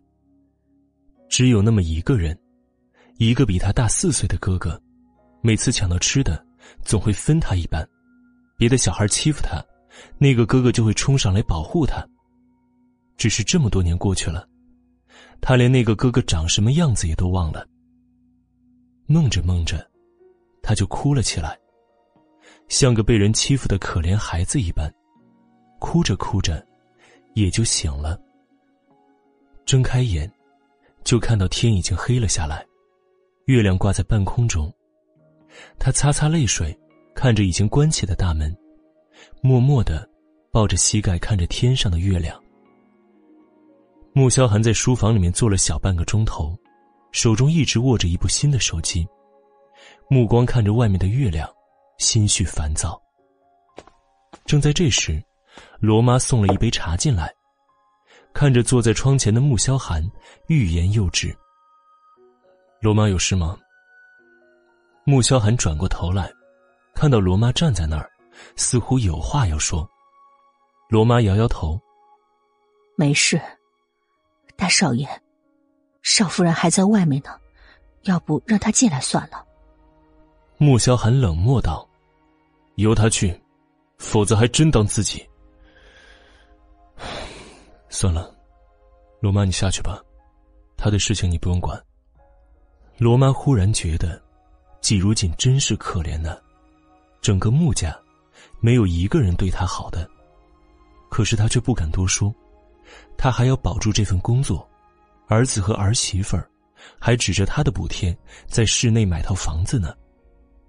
等出了书房，罗妈内心一直愧疚不安，她想，只有等二少爷回来了。让二少爷替少夫人好好说话了。穆言飞在外面玩到凌晨一点才回家，人已带着三分醉意。走到台阶准备进去时，看到门口坐着一个人，顿时吓了一跳。而等他看清是谁时，立马就怒了：“季如锦，你有病吧？三更半夜不睡觉，蹲在这里吓人呢！”此时的季如锦都睡迷糊了，被他这么一吼，又醒了过来。看到是穆言飞，又一声不吭的闭上眼睛继续睡觉。这穆家所有人，他再也不去理会了。见季如锦不理会自己，穆言飞有些尴尬，想到那天错怪他的事情，抓了抓脑袋，走到季如锦身边坐了下来。喂，你怎么了？你是不是还在生那天的气呢？哎，我哥呢？季如锦仍不吭声，他只有一个本事，那就是打定主意不理谁，就算那人在他面前说破了嘴，他也可以不搭不理，不说一句话。穆言飞见他不理睬自己，少爷脾气也上来了，猛地站起来，推门走了进去。二少爷，你去楼上劝劝大少爷吧，让少夫人进来吧。罗妈一直守在外面，看到穆言飞进来。立即走过去，小声的说着。穆言飞愣住了，“啊，我哥和他怎么了？吵架了？”罗妈想了想，还是将中午发生的事情一五一十的说了出来。听完，穆言飞的脸色又难看起来，暗骂了一句：“这死丫头。”说完便走进电梯了。此时二楼，穆言飞看到自家大哥这么晚还没睡。惊讶的张了张嘴，大哥呀，你既然担心他，干嘛不让他进来呀？你还知道回家呀？躺在床上看书的某人冷冷的看过来，穆言飞觉得自己为了这个家，简直是操碎了心。这么晚了要当说客不说，还要被大哥这么怼，实在是太委屈了。哎呀，大哥，你误会他了。穆言飞在一边的沙发上坐下。又将刚才罗妈告诉他的事情转述给穆萧寒听。听完之后，穆萧寒的神情并没有什么变化，只是淡淡的说了三个字：“嗯，知道了。”穆言飞愣住了，就这样吗？此时的楼下，季如锦睡着睡着，觉得有些冷，反而睡不着了。他抱紧双臂，看着月亮，决定明天一早就和穆萧寒摊牌。正在这时，身后响起了开门的声音，紧接着，就是轮椅滚动的声音。他突然僵直了后背，却并没有回头去看后面的人，而是闭上眼睛，继续装睡。要是上去睡。男人的声音响起，充满了命令。季如锦并没有理会，他想：凭什么你们要我怎么样，我就得怎么样啊？头。第六十集。别再让我说第二遍，上去。男人有些烦躁，为自己这几天反常的行为。季如锦噌的站起来，转过身看着他。穆萧寒见他起身，马上调转轮椅往屋内走去，可是进了屋却发现身后的女人并没有跟上来。季如锦紧抿着唇，皱着眉，看着里面的男人，终于鼓起勇气来：“穆萧寒，我不要再住在穆家了，不管你怎么威胁我都是没用的，就算是我要背负两亿的债务，我也不要再住进这里。你们一个一个的都觉得我好欺负。”可是我是个人，我不是一条狗，你们想怎么欺负我就怎么欺负我，凭什么？我不欠你们穆家什么。他在纪家忍气吞声，是因为纪家领养了他。他虽然经常被纪明轩欺负，可好歹只有一个人欺负他，他可以吃顿饱饭，可以读书，冬天有一个温暖的被窝，夏天也不用怕蚊子，更不用和那些男孩子挤在一张床上。可是穆家给了他什么？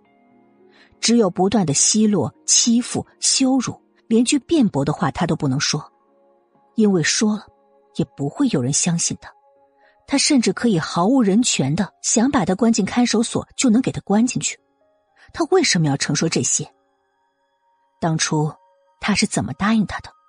他可以享受他作为妻子的一切权利。可是呢，这就是那些所谓的权利吗？他是不是也觉得他老实好欺负，所以就跟着他的家人一起轻视他呢？穆萧寒转过身，神色阴寒的看着他，眼底闪过一抹危险之色。因为镜片挡着，又是在夜色之下，季如锦并没有看到。你想反悔？是，我不想再被莫恩恩陷害了。他既然这么想要江媛媛当你的妻子，那我就成全你们，省得哪天。我又被他们联手给送，反正我就是想离你们远远的，我怕了你们全家。想到自己答应过穆言飞不会说被关进看守所的事情，话到嘴边又咽回去了。你说你没欠我的，那在福满楼是谁救的你？我的腿是谁造成的？还有，你在学校被人陷害造谣的事情怎么算？对了。现在地铁五号线已经到了几家手中，你说不要起诉几家，我也让人撤诉了，这些又要怎么算？穆萧寒看着他那副又委屈又赌气的模样，刚才烦躁的心情反而放松下来。他淡淡的看着他，语气慵懒的问：“季如锦傻眼了，一时哑口无言。那我不反悔了，可是我以后也不住你们穆家，我住学校去。”季如锦很没骨气的退让了，但他坚决不住穆家，否则再住下去一定会被穆恩恩害死的。不行，除了这件事儿，其他的事情都可以答应你。穆萧寒皱起眉，他倒是想知道穆恩恩到底还做了些什么，让这个笨女人竟然避如蛇蝎，情愿背上巨额的债务也要反悔。季如锦又皱起眉，不吭声了，倔强的站在那儿一动不动。穆萧寒看到他这样，莫名的有一些头疼。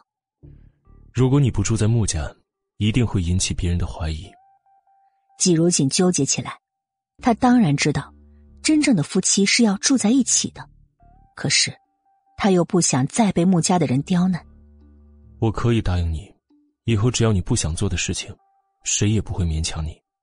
穆萧寒准备再退让一步，他花了那么多心思才把这个小丫头哄进穆家，就是为了让他待在自己身边。可是他现在要说住到学校里去，这怎么可能呢？